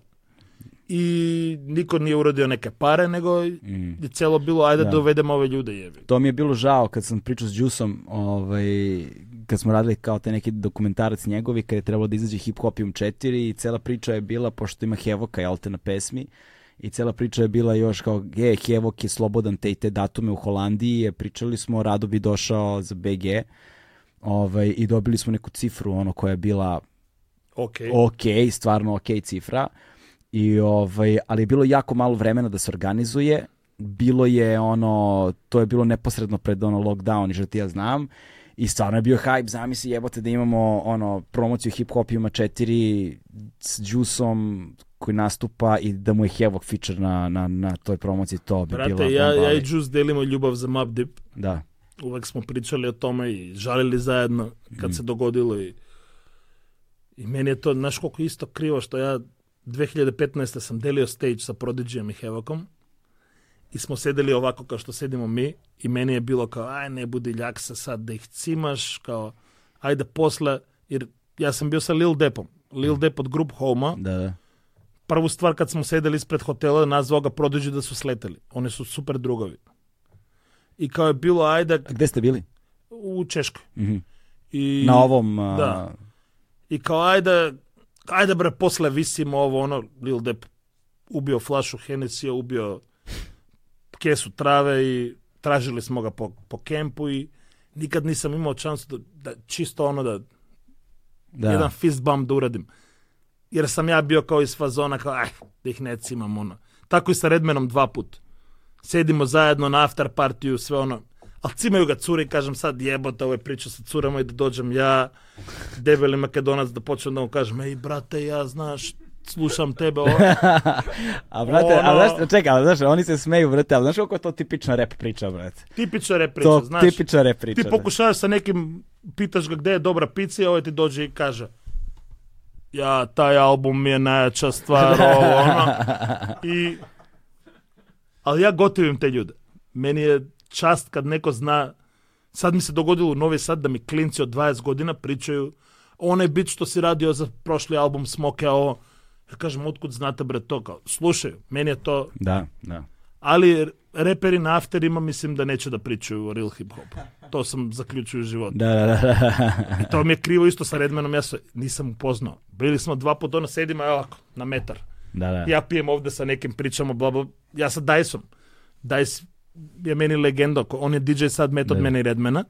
On je pre toga bio prvi DJ Daz FX. Daz FX je prva grupa koju, sam, Da. koju smo mi doveli u Makedoniji. Tako Jeste, smo e, čekaj, upoznali ja- Fat Filija. Fat Fili je, je radio neku turneju, pa je on doveo. Mi smo se upoznali 19. januara 2001. godine. Čekaj, pa to je bilo na istoj turneji kada su bili u Beogradu. Da, ali Tako mi je. smo, mi smo imali, pazi, imali smo ludog sponzora, nek počiva u miru Buco Lazov. Ludi Buco je bio motherfucker. On nam je rekao, kao, mi smo, on je mi izdao album, vinil posle toga, brat dao novac za spotove. Mislim, album smo izdali sami, on posle se stao kao support za SAF. I on nam je rekao, koga hoćete za церт да вам буде специјални гости. И ми смо рекле генгстер. Да. Али онда Гуру е био на турнеи со Джез Матезом и онда нашли Даз Ефекс. И Даз Ефекс су били гости концерта САФ. Тој био САФ концерт за сафизам, спешал гест Даз Ефекс. Wow. И знаеш што се догодило? рокамо ми први, почну да Ефекс, луѓе почнат да до куќи. Брате, ја и ја пики сипи трчимо и ухватамо луѓе, каде идеш бе? Па добро бре, гледал сам се. Brate, Daz FX, jesi ti normalno, vrati se nazad kao. Da, da, da, da, da, da, da, da. Ali tako, ta, ta, toliko znam i Filija, koliko to, 22 godine je. Jeste, evo te Fili čoveče, kakva 21. legenda. Da, ja sam Filija kasnije nešto upoznao. Mislim da smo se otprilike u isto vreme upoznali ti i ja i, i tad sam i Filija otprilike. Ti si počeo da radiš za Adriju, tako je bilo. Tako je, Za 2005. MTV, 6. tako je, 2005. sjetiš. Mi smo ti bili prvi Maked... Vidiš, prvi Makedonci i Galeb, to ti je neka tradicija. Ja sam Da, da. prvi Makedonac ovde, tamo sam ti bio prvi band na MTV. Tako je, brate. Jeste, a bili smo zajedno na Wu-Tangu. Brate, to, to je bio najjači exit ikad. Je. A, reci, to je bilo. Ali što su probali da podmetnu lažnog Method Mana, brate, tada. Ne, lažnog... A, Rzu. Da, ne, metod mena. Method Mana, Bol- on je u zelenom što je došao. Da, bolesna mu je bio kao žena, nešto, neka, neki fazon posle. Pa posle izašao da, da čuvali su ih iza. Ljudi sa kalašima. I prvi je ispodao Makedonac koji je znao mene i Mitka. I mi smo uspeli da stignemo i do Rza posle. Čisto da uradimo. Da, da, to. Brate, to mi je bilo najjače, brate. Ja sam samo do Ghostface stigao, E, nisam mi stigao smo dalje. radili intervju, imali smo tad show na televiziji koji se zvao Hip Hop Teza i radili smo intervju Ghostfaceu i Rekvonu. I onda smo propustili Beastie Boys jer smo zaboravili da imamo termin. Ja, To ću da se evo te, ubijem. Da, da, ja sam radio sa Beastie Boysima Brate, tada. taj cert je toliko bio I tad su dobar. bili sva trojica. I Mixmaster Mike, Da. originalni DJ. Mixmaster Mike je pustao ploča i DJ-evi u publici su bili u predinfarktnom stanju. Da, da. Jer znaš ploču i znaš kad završava break, on deo šova mu je bio da ti radi paniku. Mm. Pusti ploču i ploču ide i znam da ima još pet, on, on kao traži sledeću. I on je stavio Mixmaster Mike, jedan od najzajebanijih scratch DJ-eva i on je prvi Invisible Scratch Pickles, mislim, sa Kubertom i Da, da, Kubert koji priča s vanzemaljcima dok Da. skrečuje, brate. on je iz te ekipe. On znaš kakav mu je bio show. To je bilo, to, to biste, naježio sam se kad pričam. To je bilo tragično da, da, da, da se desilo šta se desilo i Mm, meni je fascinantan taj, na, mislim, ti na, taj exit, sad pusti exit na stranu, to je bio najrep exit ikad. Lauryn Hill, Snoop. Dog, da, Beastie Boys, Wu-Tang, Tad je Snoop im- imao onaj pogled jebi ga kao neki vrač. da, da. Kad On samo skine, skine naočar i svi čute. Ono, 100.000 ljudi. Snoop, brate, sa onim mikrofonom od dijamanata, brate. Ej, on je bio sa, sa Koraptom i Dazom, sa originalnom ekipom isto. To je redko da Jebote, vidiš da. Daz Dillingera i Korapta. Mm. Korapt je jedan od najboljih MC-eva iz Da, ali Lauryn Hill je bila, brate, Kraljica. Da, ali one, ali ona je odlepila skroz, Pa brate. dobro, ona je... Ali, ali imala je, kao, meni je bilo to black exploitation iskustvo. Da. Ja nisam gledao kao rap, nego mi je bilo kao da gledam, ne znam, Pam Grier Pa u meni- vrhuncu pa ne, karijere. me- pa meni je samo da vidim uživo Lauryn Hill i ja sam srećan, brate. Čovječe, Imala, ona je je toliko... pamtiš da imala dva, bub, dva para bubnjeva plus perkusionistu i epic shit je bilo. Samo što je kasnila pola nešto, sata da, da, nešto. nešto, bilo. mnogo, ne, više, mnogo je nešto kasnila, nešto je bilo Pa nenormalno. dobro, jebi ga Lauryn Hill. Da, ali Sme sve, da sve je Prošteno. oprošteno, brate. Lauryn Hill je učinila za hip-hop ono, za žene u hip-hopu više, Da. ma brate, ono... Za R&B muziku. Ma da, ma za, sve, za sve. ma sve, ma sve, sve, sve. To kad posljednje... Samo znaš što je tragično, da, da, da nisu uzeli role model od Ali kakav je ona MC jebote, kakav nije je ona niko vokal? uzeo kao role model, nego današnje Mm. ovako sve su kopije Lil Kima. Da, da. I ove Cardi B i Nicki Minaj. Da, to je sve copy-paste. A Lil je, Kim je izmišljotina B.A.G. Da. B.A.G. je rekao, ajde uradim curu koja će da priča kako voli da puši i, i ovo da radi Da. ono, da bude najhardcore na svetu. Bila je Lil Kim, bila je ona Foxy Brown. Ne, Foxy Brown je bila gangsta shit. Da. A Lil Kim je bila ono kao, ja pušim bolje od ne. A, Da, hardcore totalni. I ovi su svi uzeli model od Lil Kima. Mm. To je je kriv za sve. za ženske MC-eve. Ako vidiš tako za komercijalne ženske MC-eve, da. je Lor, Lauryn Hill je bilo ono ona? Dignity i... Kako se zvala ona Ma Neck, Ma Back? Ao, nešto Kia, Mia. Da, tako neki nešto. korejski auto je bilo. Da, da, da. jeste. jeste, jeste. I ona je postavila standard tim jednim singlom, ono... Pa da, ali Lil Kim mislim da je ono blueprint za, za ove sve danas. Jeste, imaš, ima smisla to što Jer sve govoriš, da. pričaju ono explicit, totalni guze. Mislim, Lauryn Hill je bio drugo nivo. Mm. Ne, Lauryn Hill je, da, njeni tekstovi, Нjen знаеш што текстови, на пример, певање, тек... стил, брате. Текстови Лорин, ја може мога да се повежам со тим текстовима. На пример, Акуанару не могу. Акуанару има супер музику и све, ал ја идам на церт со женам нормално да. и сви репери со таму со женам и девојкама. Јер мораш. И ја ја слушам и као оно као цело јер ја ја имам проблем, ја слушам лирикс. Да, да. Ја не могу да волим репер ако ми се не ми не сме компатибилни со тиме што каже. Јас да. сум из те школе. Па да. I ako je na Rumi, ona totalno imamo različitu filozofiju života. I ona je vrhunski artista, ja ne mogu da je slušam.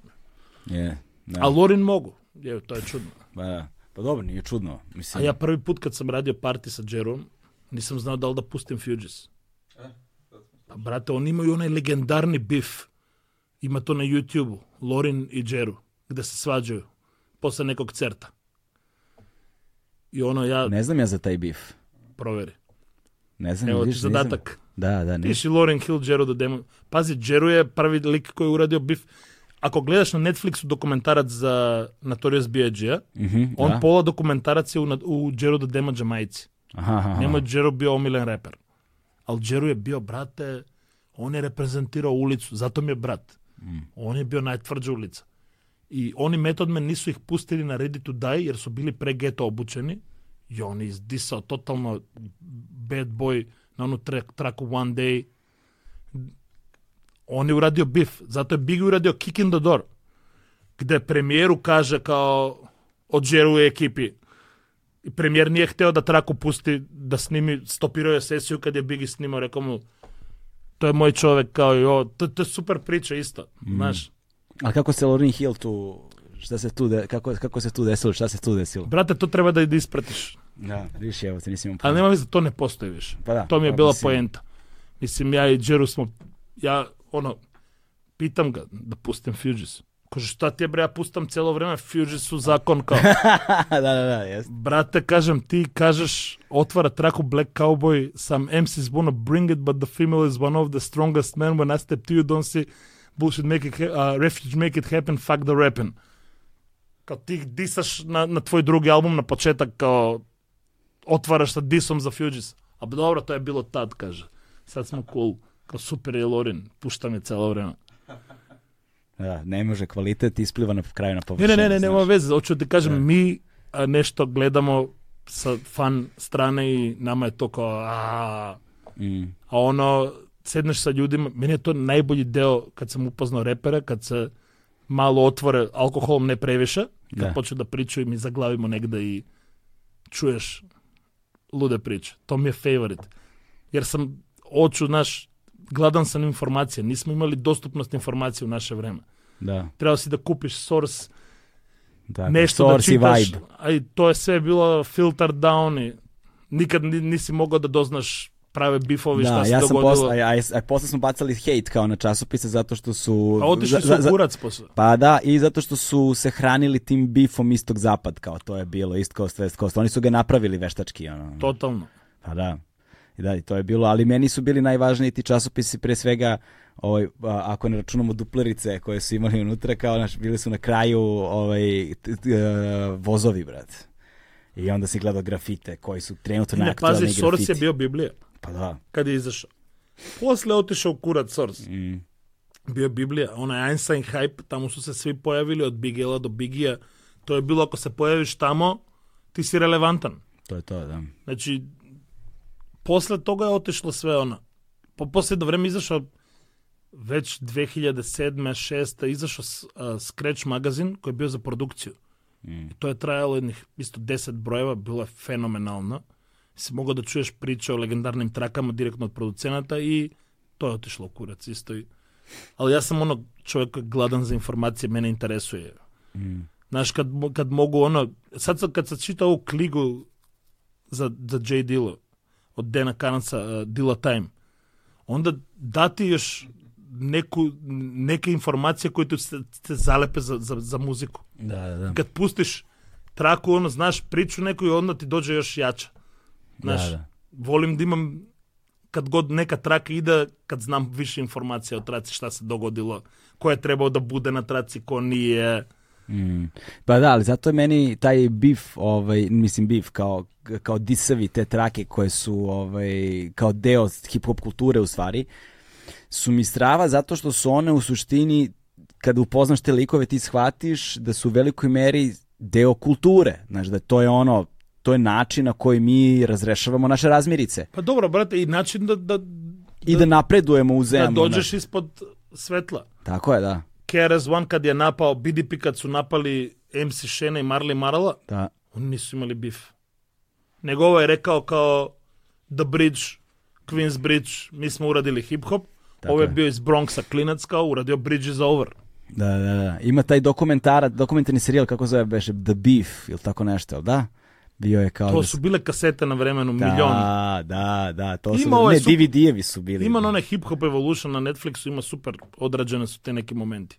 Aha. E, vidio sam taj Hip Hop Evolution, ali ga nisam pogledao. Ne, ili to bilo nešto što je bilo kao nešto hip hop i vutra, nešto pa mi to bilo baš dosadno. Ili, ne, ne, Hip Hop Evolution, Ne, ne, Evolution ima, ima, pazi, ima i stvari koje nema dosta, da. jer ti je čudno kao neke stvari su, neki likovi su skroz их нема, дали е тоа збок одредени разлога или не, али има отвара неке нове перспективи mm. на неке ствари. Yeah. Али hoću да кажам да кога се уредиле BDP биф са Квинс Бриджом са Juice Crom, највеќом екипом таа да таму е био Big Daddy Kane, таму они су напали најаче јер су хтели да дојду на мапа. Така е Big Daddy Kane глава, брат. И оно, знаеш, Биг Daddy Кейн е причал дека сам први усели устан стан да сум Керас Ван и Мони Лав носили кауч. Очу да ти кажам, а ми смо тоа доживјали да се они пуцају на улици. Да, да знаеш. Да. Така да очу да кажам, Биги и тупак су били другови. Па они су били најбили Десили су се дека срања. Мене е криво што нисмо чули Тупака са самообдип. Mm. Продиджи био фан Тупака највеќе. Da, da, da. Taj bif se desio i oto, nismo, mnogo stvari nisu izašle. Pa da, to je na Hit Up čujemo koja je mržnja, ono. Pa da. A dobro, meni Hit Up nije jedna od najboljih distraka, ali je dobro. Da, da, da. Ali, brate, mi smo volili tu stvar mnogo. Znaš, I to se tačno delila Ne, ekipa ne. koja voli tu, znaš, ono. Znam, pazi, ja, ono, ja sam DJ koji gleda da pokrije sve. Tako da, da uvek kad je neka rap žurka gledam ih pak fanovi i Biggie fanove, sve da... Ali nevjerovatno je da oni dalje imaju tako, da ta fan base na taj način postoji dalje. Post, To postoji da, ako slušam Biggie, ne volim pak. Da, Treba da. da ih voliš obojicu. A Kako ne, brate. Mislim, znaš, bez njih dvojice nisi kompletan. Pa da, mislim, ko zna šta bi bilo, jebi, meni je najkrivo Big Ela što su skinuli kad je on potpisao za Rockefeller Records. Da. On bi sa Jay-Z-em uradio čudo, Rockefeller je najluđi label ikad u hip-hopu jer su ga uradili ljudi koji su bili kriminalci. Mm. Oni su imali, oni su išli na prve certove sa njihovim neobljavljivim artistom Jay-Z-em, su išli sa Lexusima i bacali po 10.000 dolara u publiku, a nemaju album. Mislim, to je Sad- totalno ono, Sve ti jasno. Jay-Z je bio hustler zajebani na ulici. Da. I on je mnogo, ka... pazi, Jay-Z je, mislim, generacija sa Big Daddy Kane-om. Pazi, Jay-Z izda Reasonable Doubt 98. Big Daddy Kane je 88. radio. Koliko je kasno ušao u igru Jay-Z. Jer je imao krajem 80-ih, početak 10-ih sa jazzom, a to je bio drugi stil, totalno, ono. Ovo kad je izašao Reasonable Doubt, to je više ulica, ono. Da, To je da. Jay-Z. Da, da, da.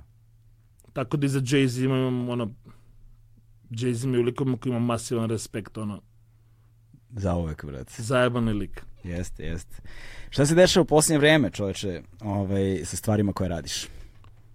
Pa, ima. Znaš, Ima, radimo. Ja, uradio sam otprilike pol albuma koje su radili Smoke i Ice. mm, To je trebalo da izađe sada.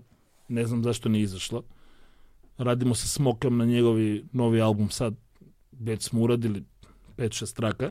strava. Tako da ću da tamo budem. Smoke je, mi je mali brat. Jeste, brate. Ljubav za nije. njega. Da, čuli smo se letos nešto, ovaj, vidjet ćemo naš, da li ćemo nešto uspjeti da napravimo.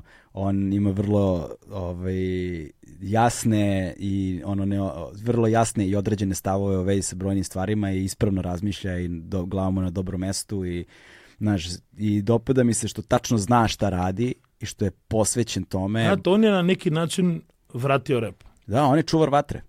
On je Totalno. čuvar vatre. On, On, je, preuzeo pokazao da može underground rap da rasproda koncerte Da. i da ima tur Zato što je iskren. Pa da, to je, pazi, znaš koji je meni parametar za MC-a? Da mu slušam muziku i da ga vidim kako hoda ulicom. Da, da, I da su mi kompatibilni njegov hod, njegovo ponašanje u društvu i njegova muzika. da. Znaš, tako znaš da je on smoke je lik koji stavlja srce na traku i to ljudi osete. Tako je, on daje se, on ostavi, od, odlomi komad sebe i ostavi na svakoj traci i to je ono što ne možeš da mu osporiš, ne može niko da mu ospori. Ali je tu hip hop vrlo zanimljiv kao, kao kultura, kao muzika, jer je, jer je to je jedina muzika a, u kojoj negde postoji pretpostavka da živiš život i filozofiju koju propovedaš na trakama. Znaš kao, ne mora nužno da bude, posebno ne u mainstreamu i najkomercijalnije jer to ulazi u pop sferu, ali ne pamtim da postoji osim eto hardkora i panka i toga, ali oni su uvek bili totalni underground, nikada hardcore neće biti mainstream muzika, neće puniti sale od 20-30 hiljada ljudi, stadione, ti ja znam, to, To se, da. to se nikad neće desiti, tako da tu ne uzimam u obzir. Ovaj, ali hip hop je tu vrlo zanimljiv jer on ima doseg do ono ogromne, najšire, mainstream publike. Znači hip hop može da dođe do nivoa karata koje dolaze pop izvođači, znaš, koje dolaze premium rock bendovi, znaš, to je ono što hip hop može, a s druge strane očekuje se od tebe da budeš pod znacima navoda true, znaš, u tom kontekstu. vidi, brate, obično ljudi koji Ne, mislim, kao nije, nije samo muzički određivanje, kao da li je ovo muzički kvalitetno, nego da li ja tebi verujem kao čoveku. Znaš, to je vrlo zanimljiv e- Dobro, aspekt pazi, zna se, ima, ima stilova različitih hip-hopa, ima ljudi koji imaju kao neki alter ego, pa furaju film o alter ego, ima ljudi koji predstavljaju sebe. MF Znači- Doom, brate. To, to sam hteo da ti kažem. Ima, znači, MF Doom je stavio masku i je drugi lik od KMD-a. Da, i on je zlikovac koji ono, znaš, to, tebra, kakav je MF da- Doom reper bio. Možda To hoću da ti brate. kažem, a, tako da ne možeš da kažeš da MF Doom nije real. Da, da, On je da. najreal, Da, on je, brate, to je... ali uzeo da radi to tako. Mm. Tako da imaš različitih primjera, ono. A čekaj, Ali- a što smo saznali da je umro, ono, mesecima A to posle. je bilo malo čudno sve. Ali dobro, to njegova familija tako odlučila, to nema šta da, Da, da, nema šta, pa jasno, jasno, da. Ali, Ali baš je- tragično da... Mm. I Znaš znaš šta mi je drago, počeo sam da viđem po Beogradu čoveče stensile, grafite, ono, MF Doom, brate, maske ove, da, znaš, da vidim da Legacy živi, ono, čak i negde gde nisi očekivao, jer, znaš, dok je bio živi to kao MF Doom je, Brate, to i sa Dilom je bilo. pa da, pa da, nisam znao da toliko ljudi voli MF Dooma ili recimo kao što nisam znao toliko vo- ljudi voli J. Dillu. Brate, Dila je... Dila je poseban parametar je Dila Ja sam uradio... imao možda, izvinite, možda sam imao troje, četvoro prijatelja s kojima sam, s kojima sam šerovao Dillu, dok, znaš, dok je Dila bio živ. Ne, hoću ti kažem, Dila je uradio impakt na, na globalnoj muzici. Mm. Dilu čuješ od Drakea do Kanja do u pop muzici Robert Glasper koji je jedan od najprogresivnijih jazz artista, on traži da se Dilu uradi spomenik od zlata. Od zlata. Jer je Dila promenio ritmiku muzike. Pre, pre njega je bila ili je swingovana muzika ili je straight. Što to On je- znači? Ajde objasni mi ti malo bolje. Pošto Znate, ti, ti, si, straight- ti si čovjek iz produkcije. Straight je tak, tak, tak, tak. Swing ti je tak, tak, tak, tak, tak, tak, znaš, kad swinguješ polako muziku. I sad imaš to te triole swinguješ i pre Dile taj swing je postojao, ljudi su radili swing, ali obično i funkeri su radili neki među swing, između swinga i, i straighta, šaflove nota, sve. Dila je seo na ritam mašini i počeo da lupa sve odjedno da onda kikove radi u jednom swingu, u drugom da su semplovi. Pazi, Questlove od Ruca, Da, da. koji je jedan od najzajebanijih bubnjara na planeti. On prvi put kad je upoznao Dilu, upoznao kad je Dila radio, Dilu je profurao Q-tip. Njega je upoznao Amp Fiddler, lik koji je, Amp Fiddler je lik iz Detroita koji je svirao za George Clinton je svirao klavijature. Mm. I on je prvi uzeo novac, kupio MPC, naučio Dilu da radi, nema veze, us, upoznao ga sa Q-tipom, ovo je sve u kratkim crtama. I Q-tip je čuo Dilu i Q-tip koja carština najveća je, jer je Q-tip jedan od najzajebanijih producenta na planeti koji je uradio najbolje bitove, uradio ceo Infamous za Map Deep kao executive producer, naš, što nije hteo za to kredit, jer je lik koji veruje u Brotherhood i nešto. On je uzeo Dilu i on je počeo Dili da da posao koji je bio za njega. Farside su izgubili producenta posle prvog albuma i su došli Q-tipu kao ajde da nam radiš ti album, kaže on, Drop. neću ja da radim, drap je od Dile. Da, da, da. Da, da, bit od Dile, koji je radio za Slum Village. A, Slum Village, jevote. koja Brate, je znaš kako je rekao? da. Pazi, pazi koja priča. Znači, Q-tip kaže, ne radim vam ja, radim vam ovaj klinac iz Detroita, JD. И онда долази Лав и каже, јао, каже, фар се до Нью-Йорк. Као, јебота, Q-тип вам ради продукција? А не, ради нам као овој негов лик, као Джей Дила. А, и разочарао се отиша. И онда после 5-6 месеци наступали Руц и, и Слам Велич, или не, Руц и Фарсет. Mm -hmm. И Квеслав сам каже, он седел на паркингу и почна нека трака од Фарсеца, не знам дали е била 60, нешто што е радио Дила и јебота као слуша наполју, знаеш, нешто му не е јасно, као ова е грешно, али е добро. Да. И тоа е то грешно добро, значи Дила е променио свинг музика. Што е отишло многу више од, од хип-хопа. Mm. Знаеш, отишло инф, инфлуенс, Дилин инфлуенс имаш у Хајдите с Кајоти, у, у свим, како да кажем, бендовиме кој не би помислио ритмика, он е променио ритмику. Знаеш, оно тотално променио грув музики. Тоа е многу нешто неко сериозно ниво. И затоа е дила тај што дила, затоа Смитсонион музеју стои негови МПЦ онај 3000 Јер он не е хуманизирао ритам машину, него е он са ритам машином е променио грув музика. Тоа е да. оно тотално лудило диле и затоа диле е оно веќе од репа, значи диле е тотално Да. А мене е оно ја волим негов njegovu rap produkciju, ono što je radio za Dela, za Tribe. Mm. A ljudi to i to toliko našim oni novi Dila fanovi znaju samo onaj instrumentalni deo koji je radio. Da, da, da, da. Na da. kraju života čovjek je toliko muzike isproducirao.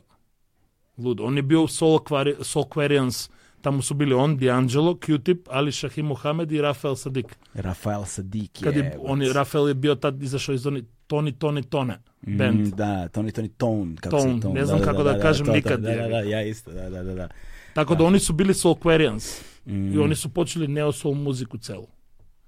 Znači, račune, D'Angelov album ima isti taj Dilla Groove. D'Angelo zajeban, brate. izvođač. Eruka Badu, Dilla je radio za Badu, radio Eto za... još jednog ženskog izvođača koji je ono izvršio uticaj. Erika Badu je... Mnogo bih htio da gledam na Balkanu negde. Da, da, da, da. Erika Badu. Bela Feti.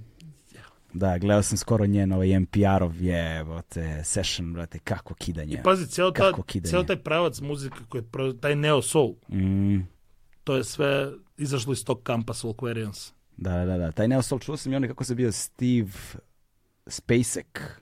Kako se već zove, to je se neki, da li tako beš, to je to, to vreme sam, kad sam slušao Dilu, sluč, tad sam otkrivao, zahvaljujući Dili, sam otkrivao te neke neo soul beatmakere, to je bilo, za, to je za mene bila revolucija tada. Ima onaj Nujabe što je japanac, Mm. koji je rođen iz dan sa Dilom, ili je po, preminuo iz dan sa Dilom.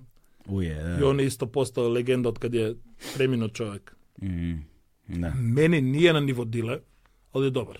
Da, dobro, dobro, dobro, to je to. Ovaj, kad, se vraća, kad se vraćaš za Makedoniju? Danas, sad?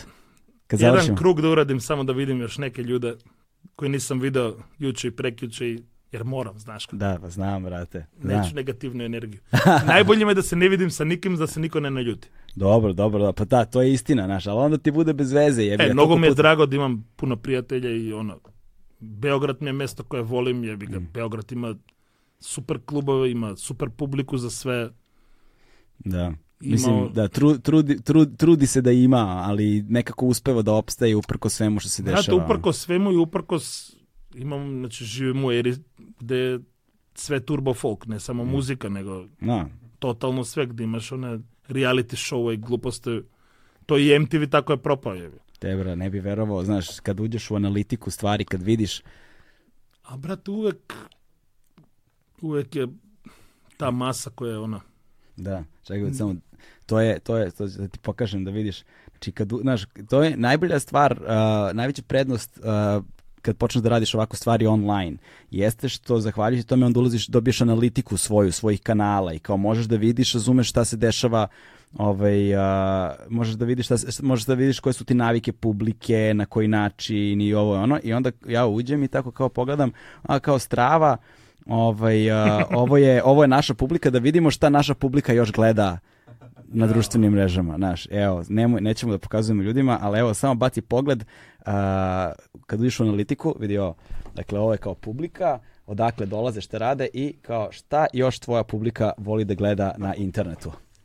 damn. A?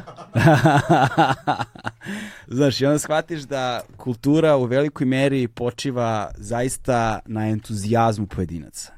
Znaš, na tim nekim, zaljubi- kao što si ti, znaš, zato sam ja tebe, znaš, ono, to su neke ljude upoznaješ, a neke ljude prepoznaješ. Znaš, sretnemo se i ti vidiš, brate, da ovaj čovek živi ovo.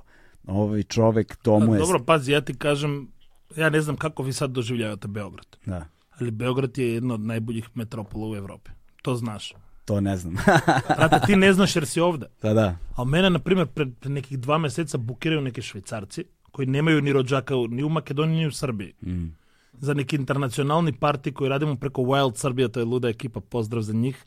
Радили смо испред Новог Сада у неки одлепени простор кој е тотално оф мап Mm. И овие странци завршили парти, ја пази диџи из Македонија, јер некој македонец кој радио код нив рекал му е узмете Гоце Тонче да вам изрока бла бла бла. Овој букирали мене, тотално странска екипа. И они ми причаја да им е Београд број еден дестинација свима. Причамо странци кои немаат роджаке на Балкана. Да, да, да. Да кад, кад оче добро да се праведу, не дојде у Београд. Зашто е ефтино. Брате, не е само ефтино. Ала заебам се, не е превише не ефтино. Брате, имаш да. добре клубови, имаш гастрономски... Да, јест. Пази, Београд е serious shit. Imaš koju god hoćeš hranu, kuhinju u serioznom... Mm. Hoćeš napolitanu picu, imaš restoran koji je top 50 u svetu, hoćeš... Hoću da ti kažem, Da, dešavaju se stvari neke u ja idem, vreme, po, da. idem po Balkanu. Da. po Evropi ne toliko često, ali ono, i veruj mi, ima klubova, znači ideš u gajbu, imaš najbolju publiku, pozdrav do Pepe, imaš najbolju publiku za disko. Da.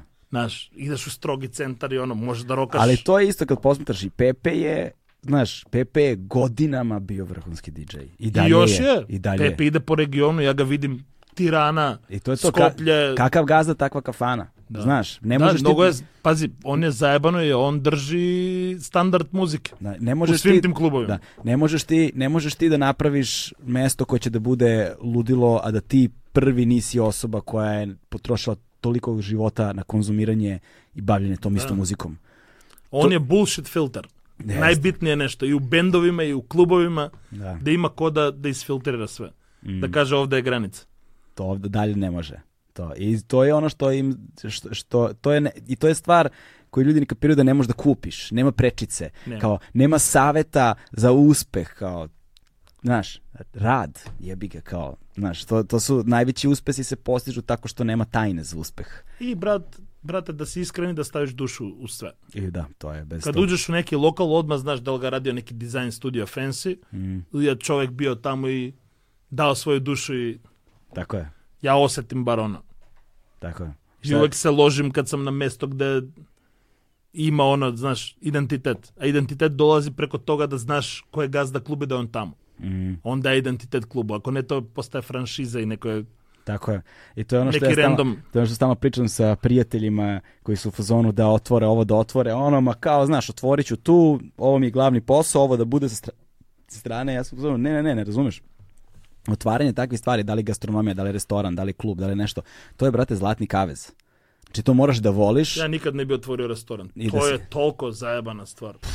Wow. Hrana.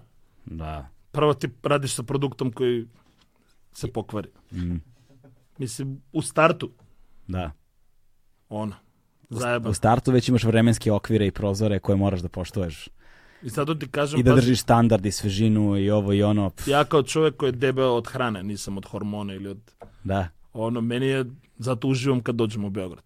Imaš ono širok dijapazon svekakve hrane. Znači, od ghetto street fooda do fancy hrane, ono, i sve, sve ubija. Sad ćemo kad završimo daći ti neke preporuke za neka mesta koja verujem da nisi posetio, a koje su ludilo. Challenge me. a, a blizu su jako, znaš. To, tako da ćemo, sad ćemo da završavamo pa polako da razgovaramo o nekim drugim temama. A, idemo. Dok ne sponzoriraju podcast, Nećemo da pomenjamo. pričamo offline. Tako je, tako je, tako je. Kućeo, hvala ti puno još jednom. Ovaj, Galebe, ti si mi u, u krugu prijatelja toliko dugo vremena da mislim da polako nam ide u punoletstvo. punoletstvo, jeste. U Tako punoletstvo. da uvek jebi ga. Hvala ti puno. Ne viđamo se često, Tak. ali si mi ovde, to je to. To je to, znaš, sa nekim ljudima ne moraš da se viđaš. Pa ne moraš, to znaš, je to. Čim se vidite, nastavite samo gde ste stali i to je to. Hvala ti puno uh, što si došao, veliko je zadovoljstvo i čast, naravno, i nadam se da ćemo sledeći put da se vidimo uh, u Skopju dole, se malo družimo, ovaj, nedostaje mi, nisam dugo bio u Makedoniji, imamo ogromnu publiku u Makedoniji, ovaj, i želim da ih pozdravim sve, a, i da kažem, ogroman respekt, velika ljubav, ono, sve ovo što nam se dešava sada s ovim podcastom, zaista nismo očekivali da će da nam se desi i ljubav koju dobijamo sa svih strana, ono, iz Bosne, iz Crne Gore, iz Hrvatske, iz, znaš, znači, iz Makedonije, je nešto, to je možda najlepša stvar koja nam se dešava Znate, u svemu ovome. postavili ste standard. Znaš, to je najlepša stvar koja nam Ja se mislim dešava. da ste vi standard sad. Pa ne znam, razumeš, nisam ja taj koji treba da govori o tome. Ja, evo, ja, ja ti kažem ovo, ne ti kažem jesi me pozvao. jebi. E, Ja mislim da si postavio lestvicu. I Hvala, sad će brate. sve da se meri pre Hvala. i posle i to će da bude nivo jebi. Hvala ti, brate, na tome i velika ljubav za tebe, velika ljubav za Makedoniju. To je to, stigli smo do kraja. Ja cijelo vreme nisam skontao koja nam kamera snima. Tebe snima ova, ali nas snimaju sve tri. Nemoj da brineš. Hvala ti. Ajde, to je to. Stigli smo do kraja. Ćao.